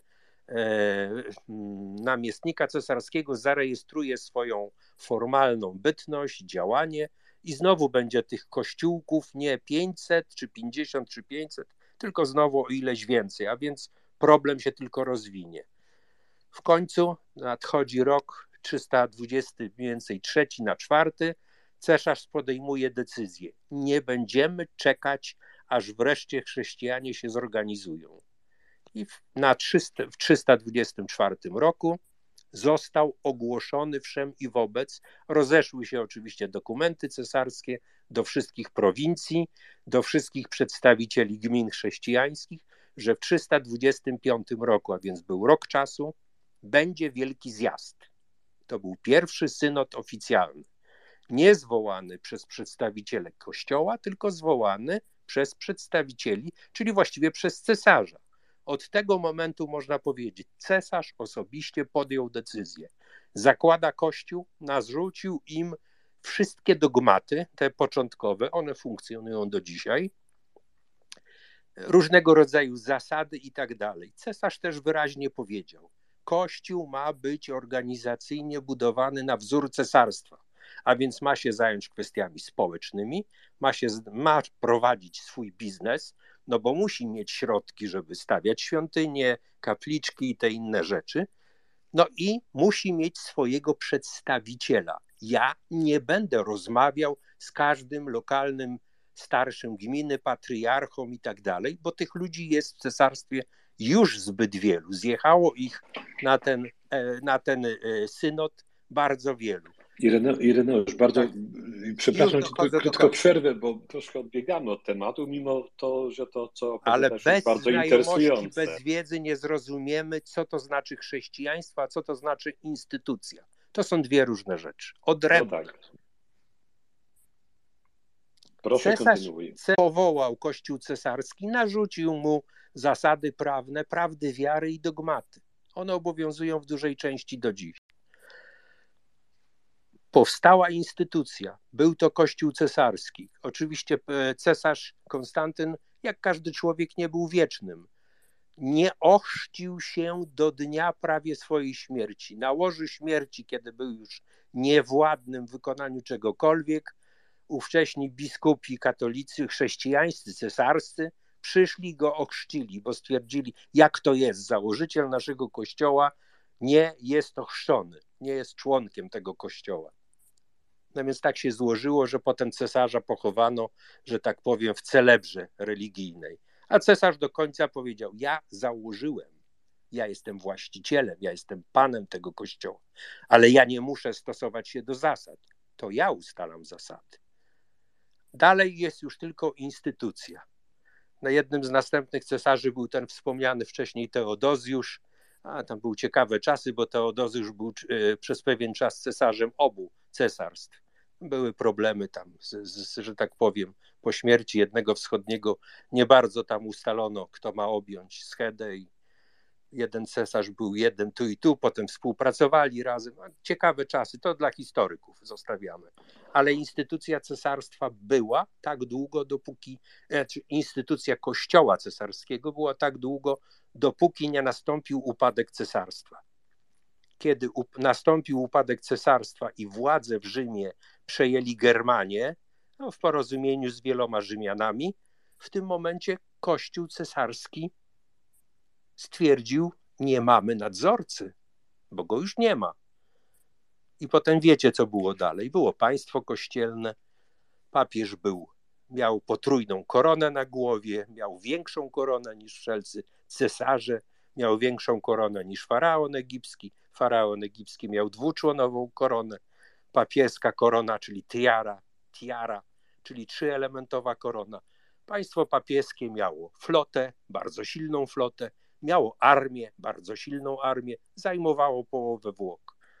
I tak trwało, trwało to wszystko tak długo, aż nie pojawił się Galibardi i jego oddziały z partyzanckich i takich ludowych nie uporządkowały kwestii włoskich. Wreszcie papieże zostali w swojej części watykańskiej. No a potem już tylko Mussolini pomógł to skonsolidować terytorialnie. Pierwszy faszysta zresztą europejski. Dobra, na tym bym chciał przestać. E, dzięki. Tak jak powiedziałem, trochę odbiegliśmy, ale masz rację. To bardzo istotny rys e, historyczny. E, a propos jeszcze tego, co ty mówiłeś, albo na marginesie bardziej. Polska nie przyjęła chrztu, to Mieszko I chrzest przyjął jako osoba, jako wtedy władca. Natomiast Polską, to wtedy historycznie rzecz biorąc nie miało wiele wspólnego, mimo że w tej chwili podaje nam się tę datę jako przyjęcie chrztu przez Polskę. I druga kwestia, historia się powtarza, bo najdłużej panujący król Tajlandii, ojciec aktualnego króla, ja nie pamiętam dokładnie, w którym to było roku, ale właśnie wydał taki dekret, w którym e, stwierdzono, że buddyzm jest obowiązującą państwową religią w Tajlandii. Jak ten buddyzm tam, chociaż buddyzm ponoć nie jest religią, jest bardziej ideologią. Jak ta religia tam jest e, wyznawana, to jest zupełnie przestrzegana, to zupełnie inna inna kwestia. Mam tutaj też swoje takie mm, doświadczenia, bo zawsze gdziekolwiek jestem, to staram się odwiedzać albo to właśnie świątynie buddyjskie, albo meczety, albo synagogi. I, I, jeśli to jest możliwe, rozmawiać ludźmi, z ludźmi, którzy tam mm, w tym momencie mm, przebywają. Dobrze, w tej chwili Anię poproszę o głos. Dziękuję bardzo. Wydaje mi się, że druh był przede mną, ale E, ja odniosę się tutaj do tego, co powiedział Darek. Dziękuję Ci bardzo, Darku, za to, co powiedziałeś. To jest takie najbliższe temu, co ja czuję. E, I z racji tego, że taką akurat e, mam takie przekonania i z racji tego, jakim obszarem się zajmuję. Więc chciałabym tylko właśnie tutaj też nawiązać do wcześniejszych wypowiedzi i podkreślić, że w zasadzie może sama, e, e, nie sama e, wiara, czy, czy rzymskokatolicka, czy w ogóle chrześcijaństwo, ale w ogóle religia jest takim istotną, istotnym obszarem w życiu człowieka, dla niektórych najważniejszą wartością w życiu, która może odkrywać sens życia. I te wartości religijne mogą być takim drogowskazem życiowym, mogą być filozofią życia. Ale to, co też Ania powiedziała tutaj, że agnostycy czy ateiści e, oraz osoby niereligijne w ogóle mogą odkrywać sens swojego życia, kierując się w życiu tymi wartościami również świeckimi, takimi jak opieka nad innymi, e, takimi jak e, rodzina, czy, czy związane z nią wartości, wspólnota, autonomia, niezależność, własny rozwój, relacje rodzinne, przyjaźń. E, uczucia, miłość, szacunek. Tolerancja. Dlaczego o tym mówię? E, I to jest ten, e, taki, taka wartość, która może być deklarowana, może być postawą tak samo osoby wierzącej, jak i osoby niewierzącej. Ale jest jeszcze ta druga strona, taka ciemna strona, gdzie religia właśnie może być tym buforem różnych zaburzeń, patologii, dysfunkcji. E, może być e, jakimś takim sposobem e, takiego radzenia sobie ze swoimi różnymi, trudno, powiedziałabym, ułomnościami w szerokim tego słowa znaczeniu. Także pozytywna i negatywna rola w ogóle religijności w życiu człowieka jest uzależniona od tego, jaki aspekt możemy tutaj rozpatrywać. Niewątpliwie E, jako ciekawostkę mogę tylko jeszcze powiedzieć, że e, w zasadzie e, religia postrzega psychologię jako jednego z głównych wrogów. To jest taka, taka, taka dygresja nie moja, tylko jest ona opierana na wielu badaniach, dlatego że psychologia współczesna w zasadzie jest tym, co przeszkadza w zachowaniu resztek porządku, jaki jeszcze został e, w tym zachodnim, zepsutym świecie. Chciałabym właśnie tutaj, żeby oczywiście e, to, co wcześniej e, tutaj wszyscy powiedzieli, że to jest niezwykle istotne jako historia i, i, i dzieje, Natomiast dla mnie bardziej istotne jest to, co się dzieje tu i teraz, no bo pytanie też się odnosi do tego, co jest tutaj i teraz. I dlaczego, dlaczego to jest z mojego punktu widzenia bardzo istotne, że właśnie Kościół katolicki, który od wieków stoi na straży właśnie takiej moralności, w wielu kwestiach pozostaje nieugięte. E, mówiłeś Arkadiusz, też właśnie o, o tych e, różnych aspektach, e, przede wszystkim prawo do aborcji, ale co jest jeszcze bardzo istotne, to to, że to, jak bardzo to jest umocowane kulturowo w naszym społeczeństwie, niewątpliwie odgrywa ogromną rolę.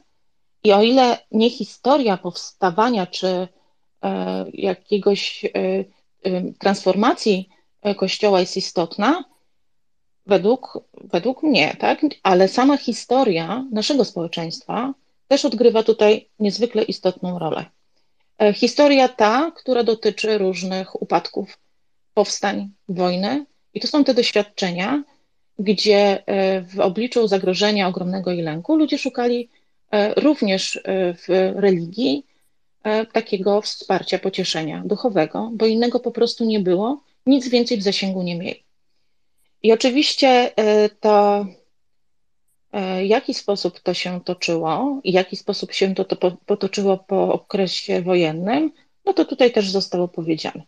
Odnosząc się jakby do samej istoty religii, która e, w, jakby mm, nawołuje do posłuszeństwa, nawołuje do, mówię oczywiście tak tak w skrócie, bo, bo wiemy wszyscy o co chodzi, e, poczucia winy, wstydu e, za grzechy, e, jest tym mechanizmem tak mocno zakorzenionym, z konstruktem w zasadzie takim schematem, według którego w społeczeństwie funkcjonujemy. Mówię, odnoszę się chociażby do ostatnich badań, do przedostatnich badań, bo ostatnich jeszcze nie mamy, gdzie deklarowało taką postawę 90, ponad 90% społeczeństwa, tak? E, I teraz to, w jaki sposób ukształtowanie struktury e, czy schematu funkcjonowania w obliczu religii, czy wiary, czy w ogóle Kościoła polskiego, e, czy, czy została wykorzystana w sposób absolutnie perfidny przez władzę. Bo czym innym, niczym innym, niczym innym jest na przykład przekazywanie E, wiary e, czy wartości chrześcijańskich w tym negatywnym e, odniesieniu jest manipulacją. Jest cały czas odwołuje się do lęku, odwołuje się do wstydu, szczególnie też było tu wspomniane o spowiedzi czy komunii dzieci, czyli nie, musi być spowiedź, żeby była komunia. Dla, dla, dla małych dzieci u małych dzieci, 8-9-letnich, już wzbudza się poczucie wstydu i lęku. E, do tego dochodzą inne mechanizmy, które świetnie są zdiagnozowane przez socjologów, psychologów społecznych, a które w sposób perfidny właśnie na bazie takich postaw wykorzystuje władza. Czyli jest manipulacja, jest zniecanie lęku, jest e, jest e, wykorzystywanie mechanizmów wpływu społecznego, co w tej chwili jakby można by było, idąc już do końca mojej wypowiedzi, w ten sposób to e, jakby nakreślić. E, wykorzystanie tej postawy w kontekście wyznania czy religii rzymskokatolickiej w Polsce zostało w perfidny sposób wykorzystane przez władzę. Czyli te mechanizmy, które miały stanowić wartość, stały się narzędziem dla władzy. E, jak to y, można wytłumaczyć? Można to wytłumaczyć w ten sposób, że na, pożytek, władzy e, Kościół jest patologizowany. I to, co mówiliśmy tutaj o mm, pedofilii, o innych przestępstwach, tylko że e, oczywiście nie dotyczy to e, wyłącznie społeczeństwa polskiego, bo musimy się też cofnąć do innych czynów, e, dużych przedsięwzięć e, Kościoła Watykańskiego, jak na przykład misja, jak na przykład e, to, co się działo na przykład w Kanadzie, to nie jest coś, co się zadziało na przestrzeni ostatnich dekad. To się dzieje na przestrzeni wieku, tak? Więc każda z tych przestrzeni została, w każdej z tych przestrzeni Kościół został wykorzystany jako narzędzie władzy. Dlatego on w takiej formie, w formie takiej, gdzie posłuszeństwo dalej jest preferowane i wykorzystywane, zespół w zespół w tej chwili idą wszyscy w parze, czyli te dwa twory, czyli władza e, i Kościół. E, w ten sposób to wykorzystuje e, i nie powinna mieć w takiej formie w ogóle racji bytu. Dochodzi do patologizacji społeczeństwa i do legitymizacji tych przestępstw. I tutaj, na poziomie każdej, każdej osoby, jest to już wtedy tak bardzo niebezpieczne, jak chociażby mówimy o dzieciach, które są zagrożone, o przemocy rodzinnej, która jest legitymizowana. 65% społeczeństwa, yy, przepraszam, 65% ogólnej przemocy w Polsce stanowi przemoc domowa, przemoc rodzinna. E, dlaczego? Dlatego, że trzeba nadstawić drugi policzek, a cierpienie uszlachetnia.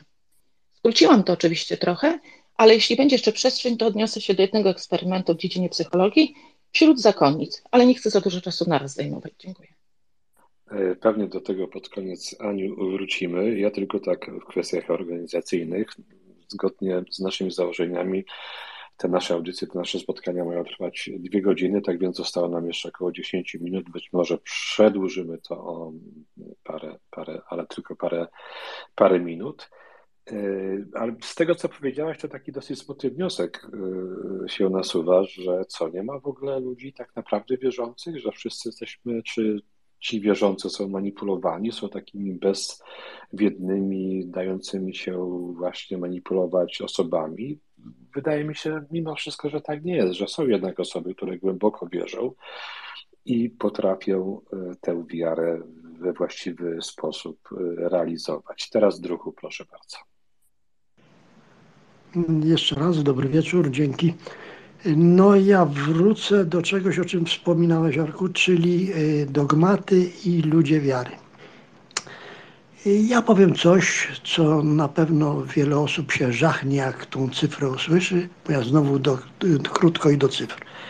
Otóż twierdzę i chciałbym, żeby mi to ktoś udowodnił, że nie mam racji 99 przynajmniej procent polskich ludzi wiary, chrześcijan, katolików, żyje w grzechu ciężkim.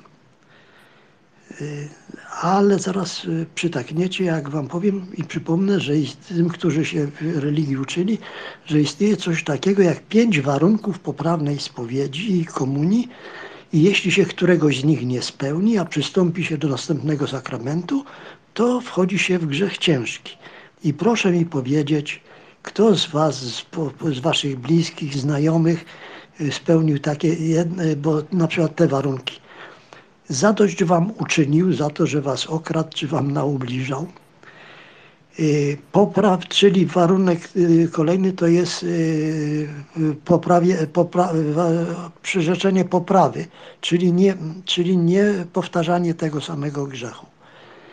I trzeci jest jeszcze, aha, i jeszcze przed tym, tym to trzeba jeszcze y, przeprosić y, za wyrządzone krzywdy i szkody.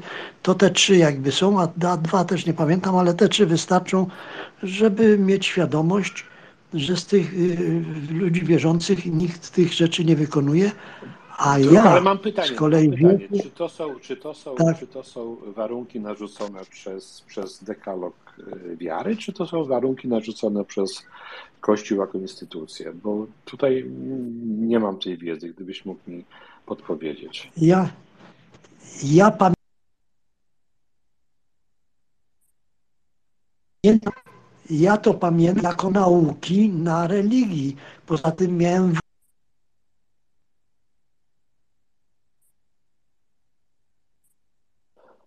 Uciekasz nam, mojego uciekasz druhu. Coś się dzieje, jakieś fragmenty tylko wypowiedzieć. Brat No mamy niestety domu gdzieś uciekł. rodziców trzeba było y, sąsiadów pocałować mamę, tatę w rękę i przyrzec i by-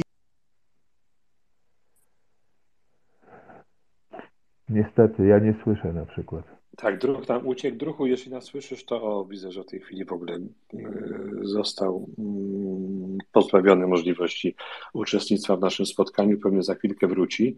No właśnie, to jest pytanie, czy to, co, o czym Druch mówił, to jest kwestia mm, pewnych dogmatów i tego, co, co wiara y, gdzieś tam zakłada i wymaga od osób wierzących, czy po prostu to jest interpretacja y, kościoła, instytucji, poszczególnych księży, tak jak to trochę dzieje się na przykład, nie wiem, w islamie, gdzie dżihad ma zupełnie inne znaczenie w Koranie, a zupełnie inaczej interpretowany jest na przykład przez y, członków państwa islamskiego. Także to gdzieś tam w pewnym momencie bardzo trudno jest odróżnić jedno od drugiego, co jest prawdą, a co po prostu jakimś wymysłem instytucji, która pod swoje potrzeby y, panowania, wpływania, y, pewnie korzyści materialnych gdzieś tam później stworzyła. E, Aniu, chyba ty chciałaś coś nawiązać do, do, do, do tych wypowiedzi. E, tak, no tak jakby e, sięgając do, do jakby tej całego bogactwa człowieka, który niewątpliwie może tą upatrywać w, w religii i w wierze właśnie tej, te, tych aspektów właśnie takiego drogowskazu, filozofii, w tym właśnie pozytywnym słowa znaczeniu. E, natomiast o czym mówię jeszcze jakby e, ten właśnie dogmaty e, wiary, które są na tyle głęboko zakorzenione, że one jakby nie pozwalają, znaczy w tym pozytywnym aspekcie jest według mnie wszystko gdzieś jest spójne, natomiast problem pojawia się wtedy, kiedy to nie jest spójne. Czyli mówimy o dogmatach, które są nieugięte, które, znaczy dogmaty, sam, sama nazwa wskazuje, tak? I tutaj w momencie, kiedy pojawiają się właśnie problemy, pojawiają się problemy społeczne, e, zjawiska e, patologiczne, to jakby tutaj no pojawia się wtedy również takie, takie bariery i na poziomie takim indywidualnym, i na poziomie społecznym, bo to jest tak głęboko zakorzenione, że w imię wiary na przykład e, można być ofiarą, tak? Ja na przykład mogę powiedzieć, że ciężko pracuje się z osobą, która jest na przykład ofiarą e, takiego dogmatu, dlatego że musi być wierną e, żoną, musi być e, dobrą matką, mówiąc już o tym, że no, Kościół rzymskokatolicki jest absolutnie patriarchalny i tam kobiet, dla kobiet w ogóle nie ma miejsca. Zakonnice tylko są do sprzątania. Natomiast tych, te problemy, one się pojawiały już na, na przestrzeni wcześniejszych dekad, i taki bardzo znany humanista, bardzo ceniony Carl Rogers, e, właśnie upatrywał tutaj w, tych dogmatach i w tych, e, no jakby w, w tych wartościach wiary, e, jak na przykład własne sumienie, które ma takiego przymusu i posłuszeństwa, upatrywał się właśnie takiej krzywdy na poziomie indywidualnym. I w sposób eksperymentalny on udowodnił, że w ciągu niespełna dwóch lat może doprowadzić za pomocą terapii psychologicznej do zniszczenia wiary u zakonnic. E, uznał, że właśnie człowiek e, jest zniewolony poprzez odwoływanie się do sumienia, poczucia wstydu, e, poczucia winy, ale to mogłabym to odnosić do wielu takich właśnie zjawisk, które są patologią, jak chociażby słyszeliśmy w przestrzeni publicznej, że to dziecko na przykład to właśnie dziecko y, kusiło księdza, tak? Albo że żona y, była, nie wiem, y, nieposłuszna i dlatego jest bita sukcesywnie i codziennie. Z taką żoną nie da się pracować, dlatego że po prostu ona jest tak głęboko wierzącą osobą, że ona tego męża nie może zostawić, bo dla niej to stanowi grzech, tak? I co zrobił Rogers? Jego terapia nazywała się takim treningiem uwrażliwiającym u tych zakonnic. Miała za zadanie uświadomienie zakonnicom, że zakon i wiara stanowią dla nich takie ograniczenie wolności, że muszą się wyzwolić z posłuszeństwa przełożonych i Kościoła, aby być szczęśliwym, żeby mogły być szczęśliwe. I eksperyment przeprowadzono w jednym z amerykańskich zakładów żeńskich. Co się okazało, 600 sióstr poddało się e, zostało poddanych tej terapii. I efekt był taki, że jeszcze przed zakończeniem eksperymentu zakon został rozwiązany. Po tym jak do Watykanu zaczęły docierać właśnie wieści, że szerzy się tam niemoralność. E, wiele sióstr po tym, po porzuceniu zakonu, e, były w przestrzeni publicznej aktywistkami w ruchach feministycznych. Wiedziałam, że muszę to powiedzieć, dlatego że jakby nie chodzi o to, żeby teraz przeprowadzać terapię, żeby wszyscy odchodzili od wiary, żebym była dobrze zrozumiana. Natomiast na poziomie indywidualnym wielkiego humanisty on upatrywał właśnie w takich dogmatach krzywdy na poziomie indywidualnym, e, w szerokim tego słowa znaczeniu.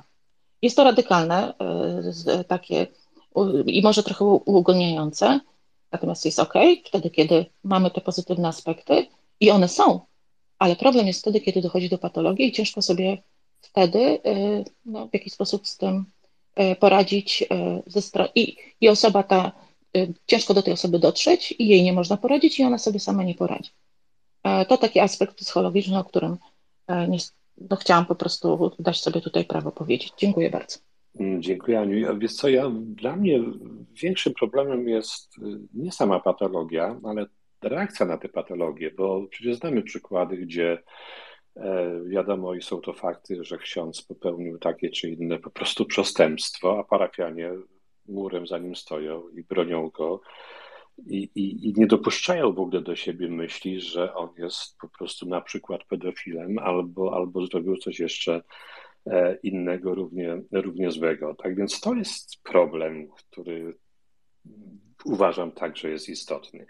E, nie wiem, kto teraz, w związku z tym, znowu korzystając ze swojego prawa, po prostu e, pójdziemy tak jak no ja byłem, na... bo ja, ja to jeszcze byłem przed druhem Bardzo wcześniej. proszę, bardzo proszę.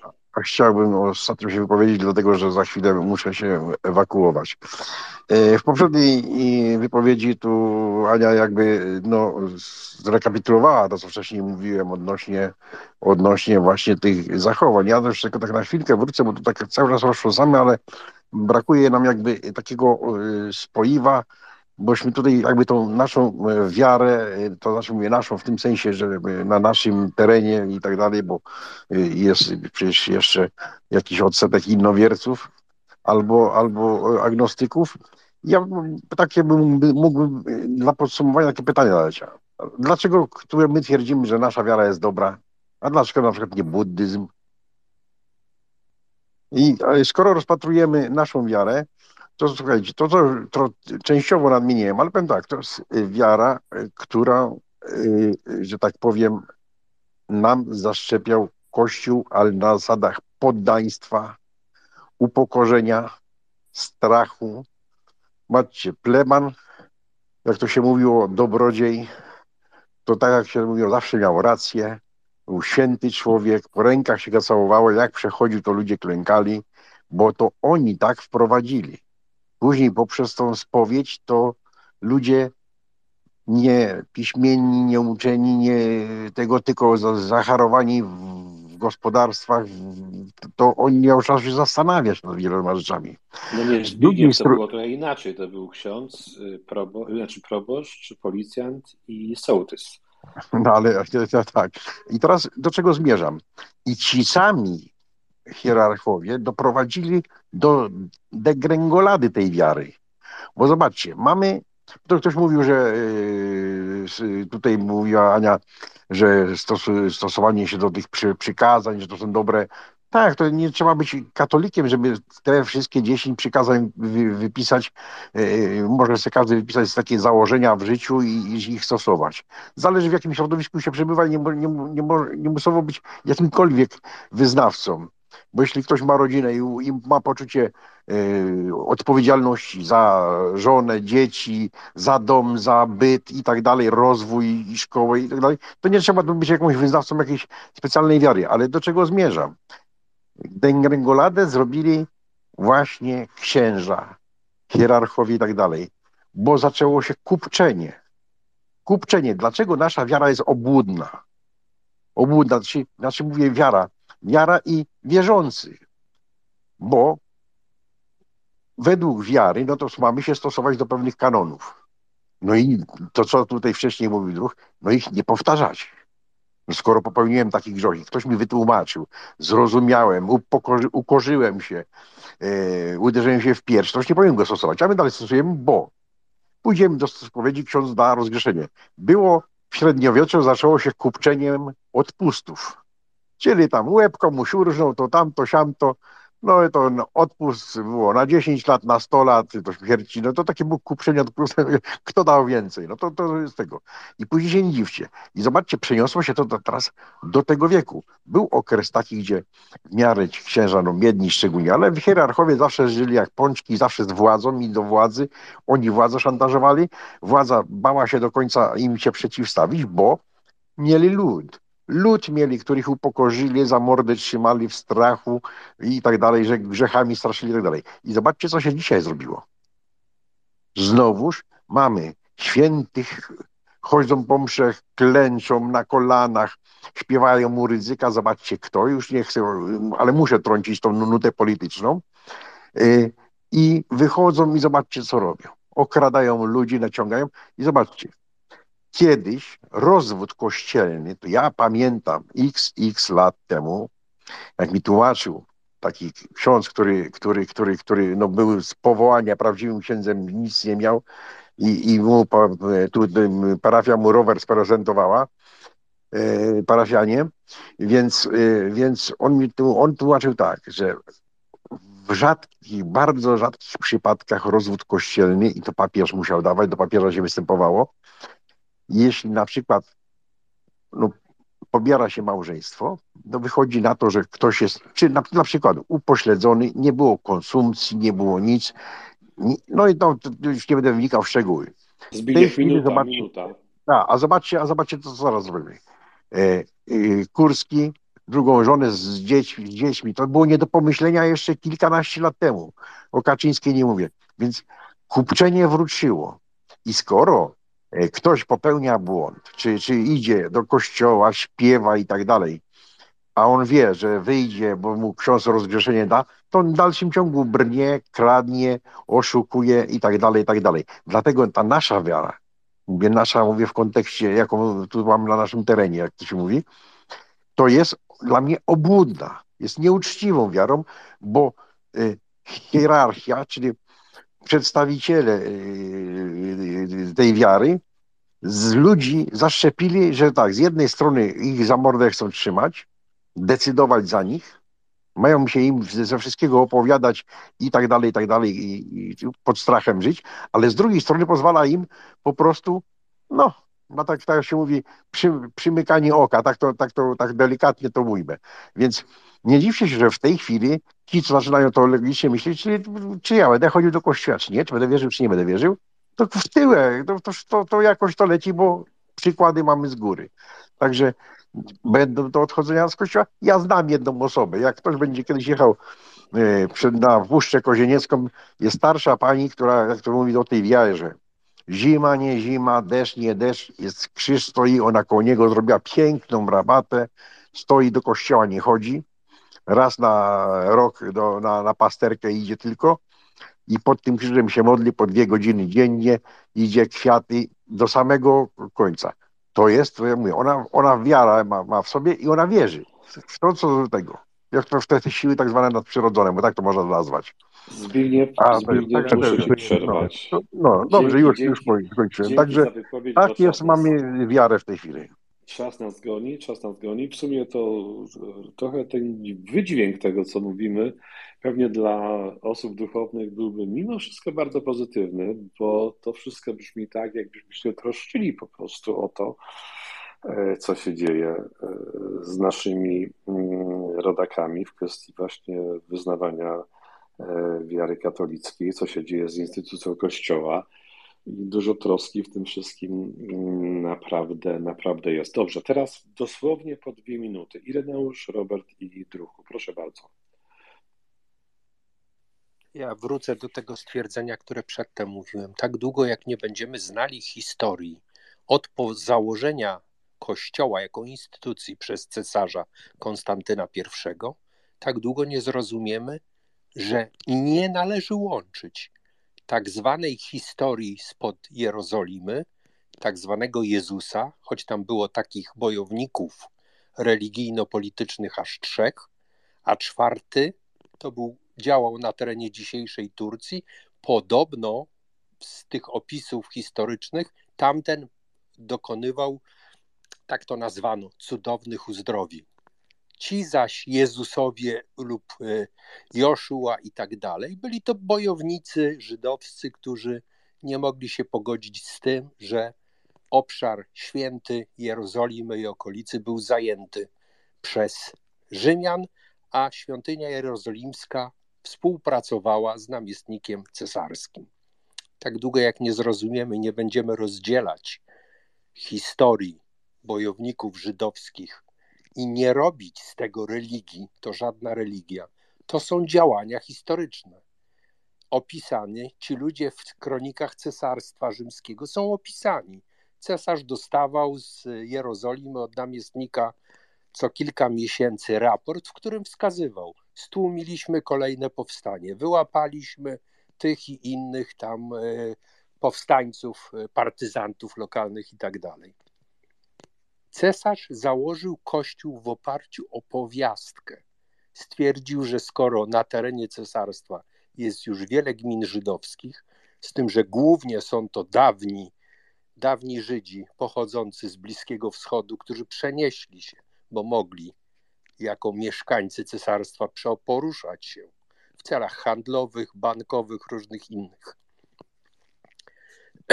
Pierwsi prawdziwi mieszkańcy Włoch, którzy byli czy przeszli na chrześcijaństwo, to byli w większości niewolnicy.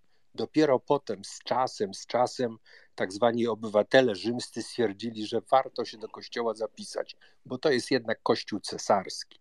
Warto tam bywać. Czy stosujemy zasady? To jest osobny temat. Jeszcze padło takie stwierdzenie: powołujecie się na dekalog. Przepraszam, na który? Na który? Był jeden oryginalny, pierwotny dekalog, który rzekomo dostał Mojżesz. I jego zasady spisane w paru językach, w aramejskim, w grece, funkcjonują do dzisiaj. To, co jest w kościele katolickim, to jest parodia literacka.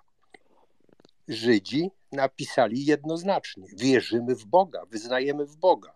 Nie, wo, nie wolno jest wierzyć nam figury, obrazki, figury rzeźbione w kamieniu czy odlane z metalu. A Kościół katolicki wykreślił parę rzeczy, no i naraz namnożyło się błogosławionych, świętych w obrazach, figurach noszonych, stawianych w ołtarzach. Pierwotna religia wyznawała wiarę w Boga, czyli religia mojżeszowa. A dalej, dalej to jest literatura i instytucja cesarska. I tak się to kontynuuje do dziś. Dzięki. Ireneusz, zgadzam się, tak prawda, tak właśnie jest. Yy, tak, to ten dekalog, czyli te 10 przykazania boskich zostało później yy, dopasowane pewnie do potrzeb yy, Kościoła katolickiego. W oryginale brzmi to zdecydowanie, chociaż podobnie, ale zdecydowanie inaczej. Teraz proszę, Robert. Mówiąc prawdę, Ireneusz zabrał mi jedno z stwierdzeń, o które miałem, czyli właśnie pytanie, który dekalog, bo istnieje ich kilka wersji, dwie zapisane w Biblii, czyli mówimy tutaj o księdze wyjścia i księdze powtórzonego prawa, a z których to był wyprowadzony później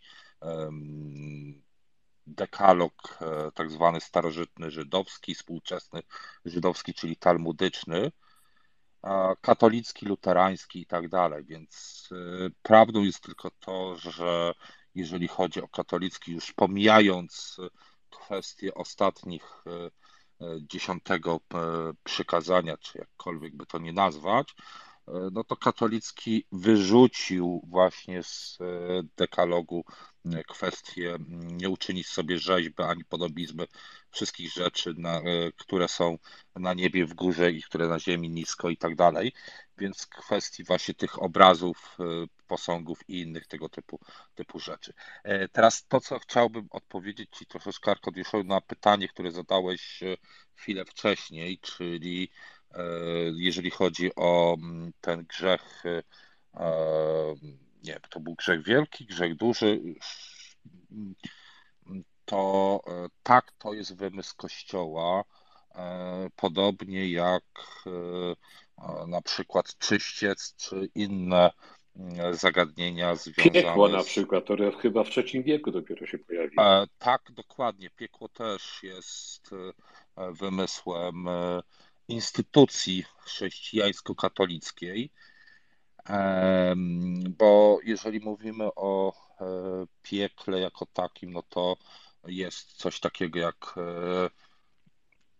jak Sheol, ale to jest zupełnie coś innego niż piekło, więc tak, to jest wymysł właśnie Kościoła katolickiego, czy tej hybrydy państwowej Kościoła czy chrześcijaństwa, który miał tylko i wyłącznie właśnie sprowadzić to, tą całość do poddaństwa ludzi i do straszenia im ich wszelkimi takimi rzeczami typu właśnie piekło, czy, czy czyściec, czy jakkolwiek. Znaczy czyściec to był, został wprowadzony tylko po to, żeby odpusty dawać i pobierać więcej pieniędzy, ale mówimy tutaj o piekle. Jeżeli chodzi, jeżeli mówimy już o wyznaniu wiary, tak, jestem wierzący, tak, nie sądzę, żeby Ania nawet przy długiej rozmowie, czy bardzo długiej rozmowie, czy bardzo długim, długiej sesji nie potrafiłabyś mnie wyprowadzić z, mojej, z tej wiary. Jednakże nie, nie jestem chrześcijaninem. Nie wierzę w, w właśnie to, co Ireneusz mówił, czyli w Jezusa Chrystusa. Wierzę w Hashem i, um, i to, co on dał Mojżeszowi na, na górze Synai. Co do dziesięciu przykazań jeszcze, to jest jeszcze jeden malutki problem. Dziesięć przykazań należy się i powinni go przestrzegać tylko i wyłącznie osoby, które przyjęły, przyjęły właśnie Hashem i związały się z, z Hashem, a dla osób, które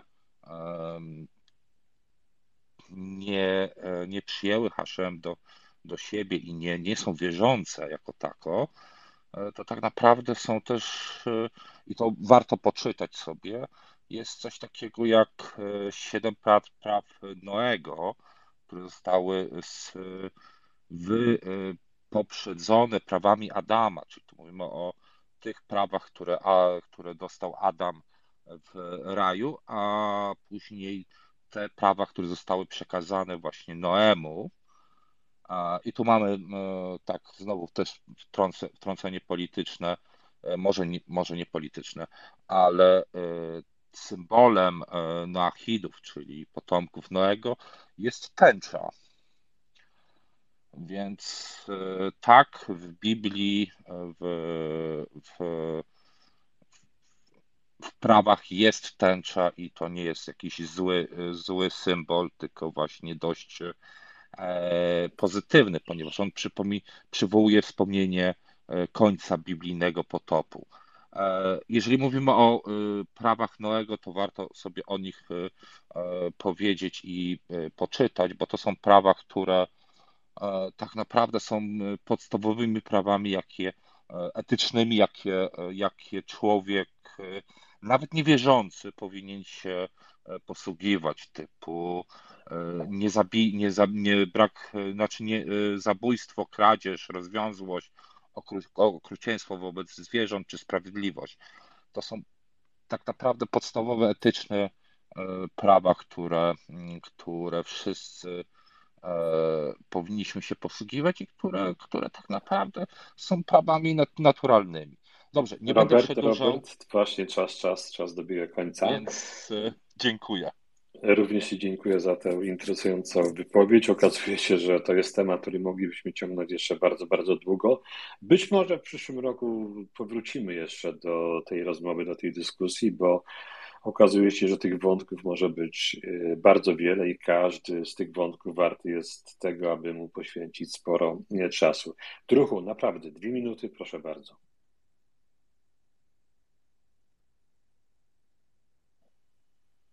Druch nas nie słyszy. Druchu, słyszysz nas? O, znowu jest jakiś problem techniczny z druhem. E, w takim razie e, no, przekroczyliśmy już nasz planowany czas. E, w związku z tym poproszę o krótkie podsumowanie Tadeusza, Anię, a później na koniec chciałbym jeszcze ja kilka słów powiedzieć. Mm, powiem tylko w tej chwili, zanim, zanim oddam Tadeuszowi głos i Ani, powiem tylko tyle, że hmm, chyba zgodzimy się wszyscy z tym, że każdy, być może każdy człowiek potrzebuje coś, w co wierzy.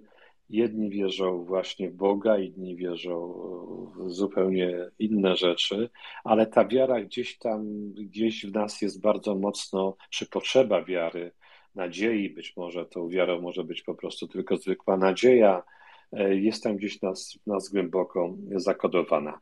Tadeusz, czy chciałbyś na koniec kilka słów tytułem podsumowania powiedzieć?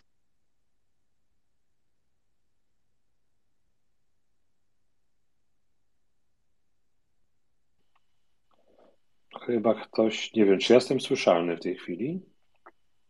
Ja przynajmniej słyszę, Ireneusz. Dobrze, to może Aniu, w takim razie ty.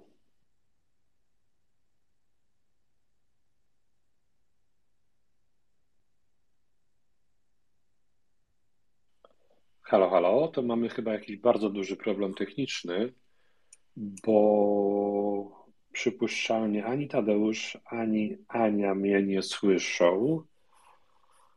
To jeszcze raz spróbujemy. Tadeusz, ty mnie słyszysz? Ania? Dobrze, to w takim razie kto mnie słyszy w ogóle? Ja słyszę, jeżeli nie słychać.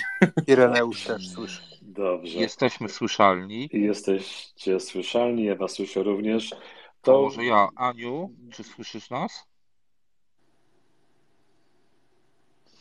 Panie Tadeuszu,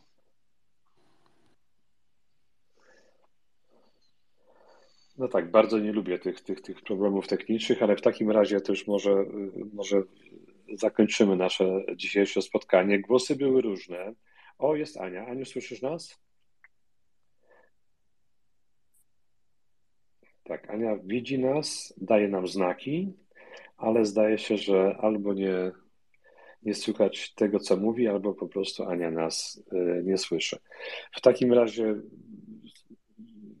ja powiem tylko tyle, że opinie były różne, ale wszyscy gdzieś tam mm, w gruncie rzeczy się zgadzaliśmy, że z jednej strony jest coś złego, co dzieje się z instytucją Kościoła katolickiego w Polsce, a to powoduje z kolei określone reakcje osób, które e, do tego kościoła uczęszczają i, i tę religię wyznają. Zmierza to podobnym kierunku jak w wielu, wielu jeszcze innych krajach e, na świecie. Tutaj takim bardzo dobrym przykładem jest Irlandia. Natomiast z drugiej strony mamy osoby, które gdzieś tam pewnie sobie głęboko wierzą i, i, i tę wiarę mm, wyznają. I, i, I jest to całkiem okej. Okay. Każdy ma prawo, każdy ma prawo, każdy ma prawo do tego. Myślę, że tego tematu nie wyczerpaliśmy i, jest za mało czasu było, aby ten temat wyczerpać. Tak jak powiedziałem, pewnie kiedyś do tego tematu, tematu powrócimy. W każdym razie serdecznie wszystkim dziękuję za dzisiejsze spotkanie, za dzisiejszą dyskusję, która była bardzo, bardzo interesująca i bardzo żywa. Te każde głosy były e, interesujące, ciekawe i wnoszące wiele do, do tego naszego dzisiejszego pytania zawartego w tytule, w tytule audycji. E, chyba już jutro, Mateusz, kolejne sportowe gadki. Jeżeli jestem w błędzie, to, to pewnie Mateusz mnie, mnie skoryguje. E, albo Ania ze swoją audycją o 21. Natomiast w przyszły wtorek, już a nie w środę, zapraszamy Was razem z Tadeuszem na audycję pod tytułem Życie na podsłuchu i gwarantuję Wam, że nie będzie to omówienie e, niemieckiego filmu, który zdobył e, swego czasu filmu o tym samym tytule, e, który zdobył swego czasu Oscara. Tak więc za tydzień niecały, bo we wtorek o 21 wraz z redaktorem Tadeuszem Krupą zapraszamy Was do audycji pod tytułem Życie na podsłuchu. Dzisiaj serdecznie wszystkim przepraszając za te problemy techniczne, z którymi zostaliśmy skonfrontowani na koniec naszego dzisiejszego spotkania. Dziękuję wszystkim za mm, udział w audycji i życzę spokojnej nocy, a także dobrych nastrojów w sobotę po meczu, kolejnym meczu e, Polski na Mistrzostwach Świata.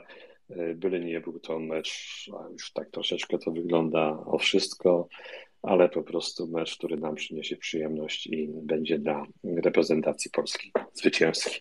Dziękuję bardzo, dobranoc, życzę spokojnej nocy jeszcze raz.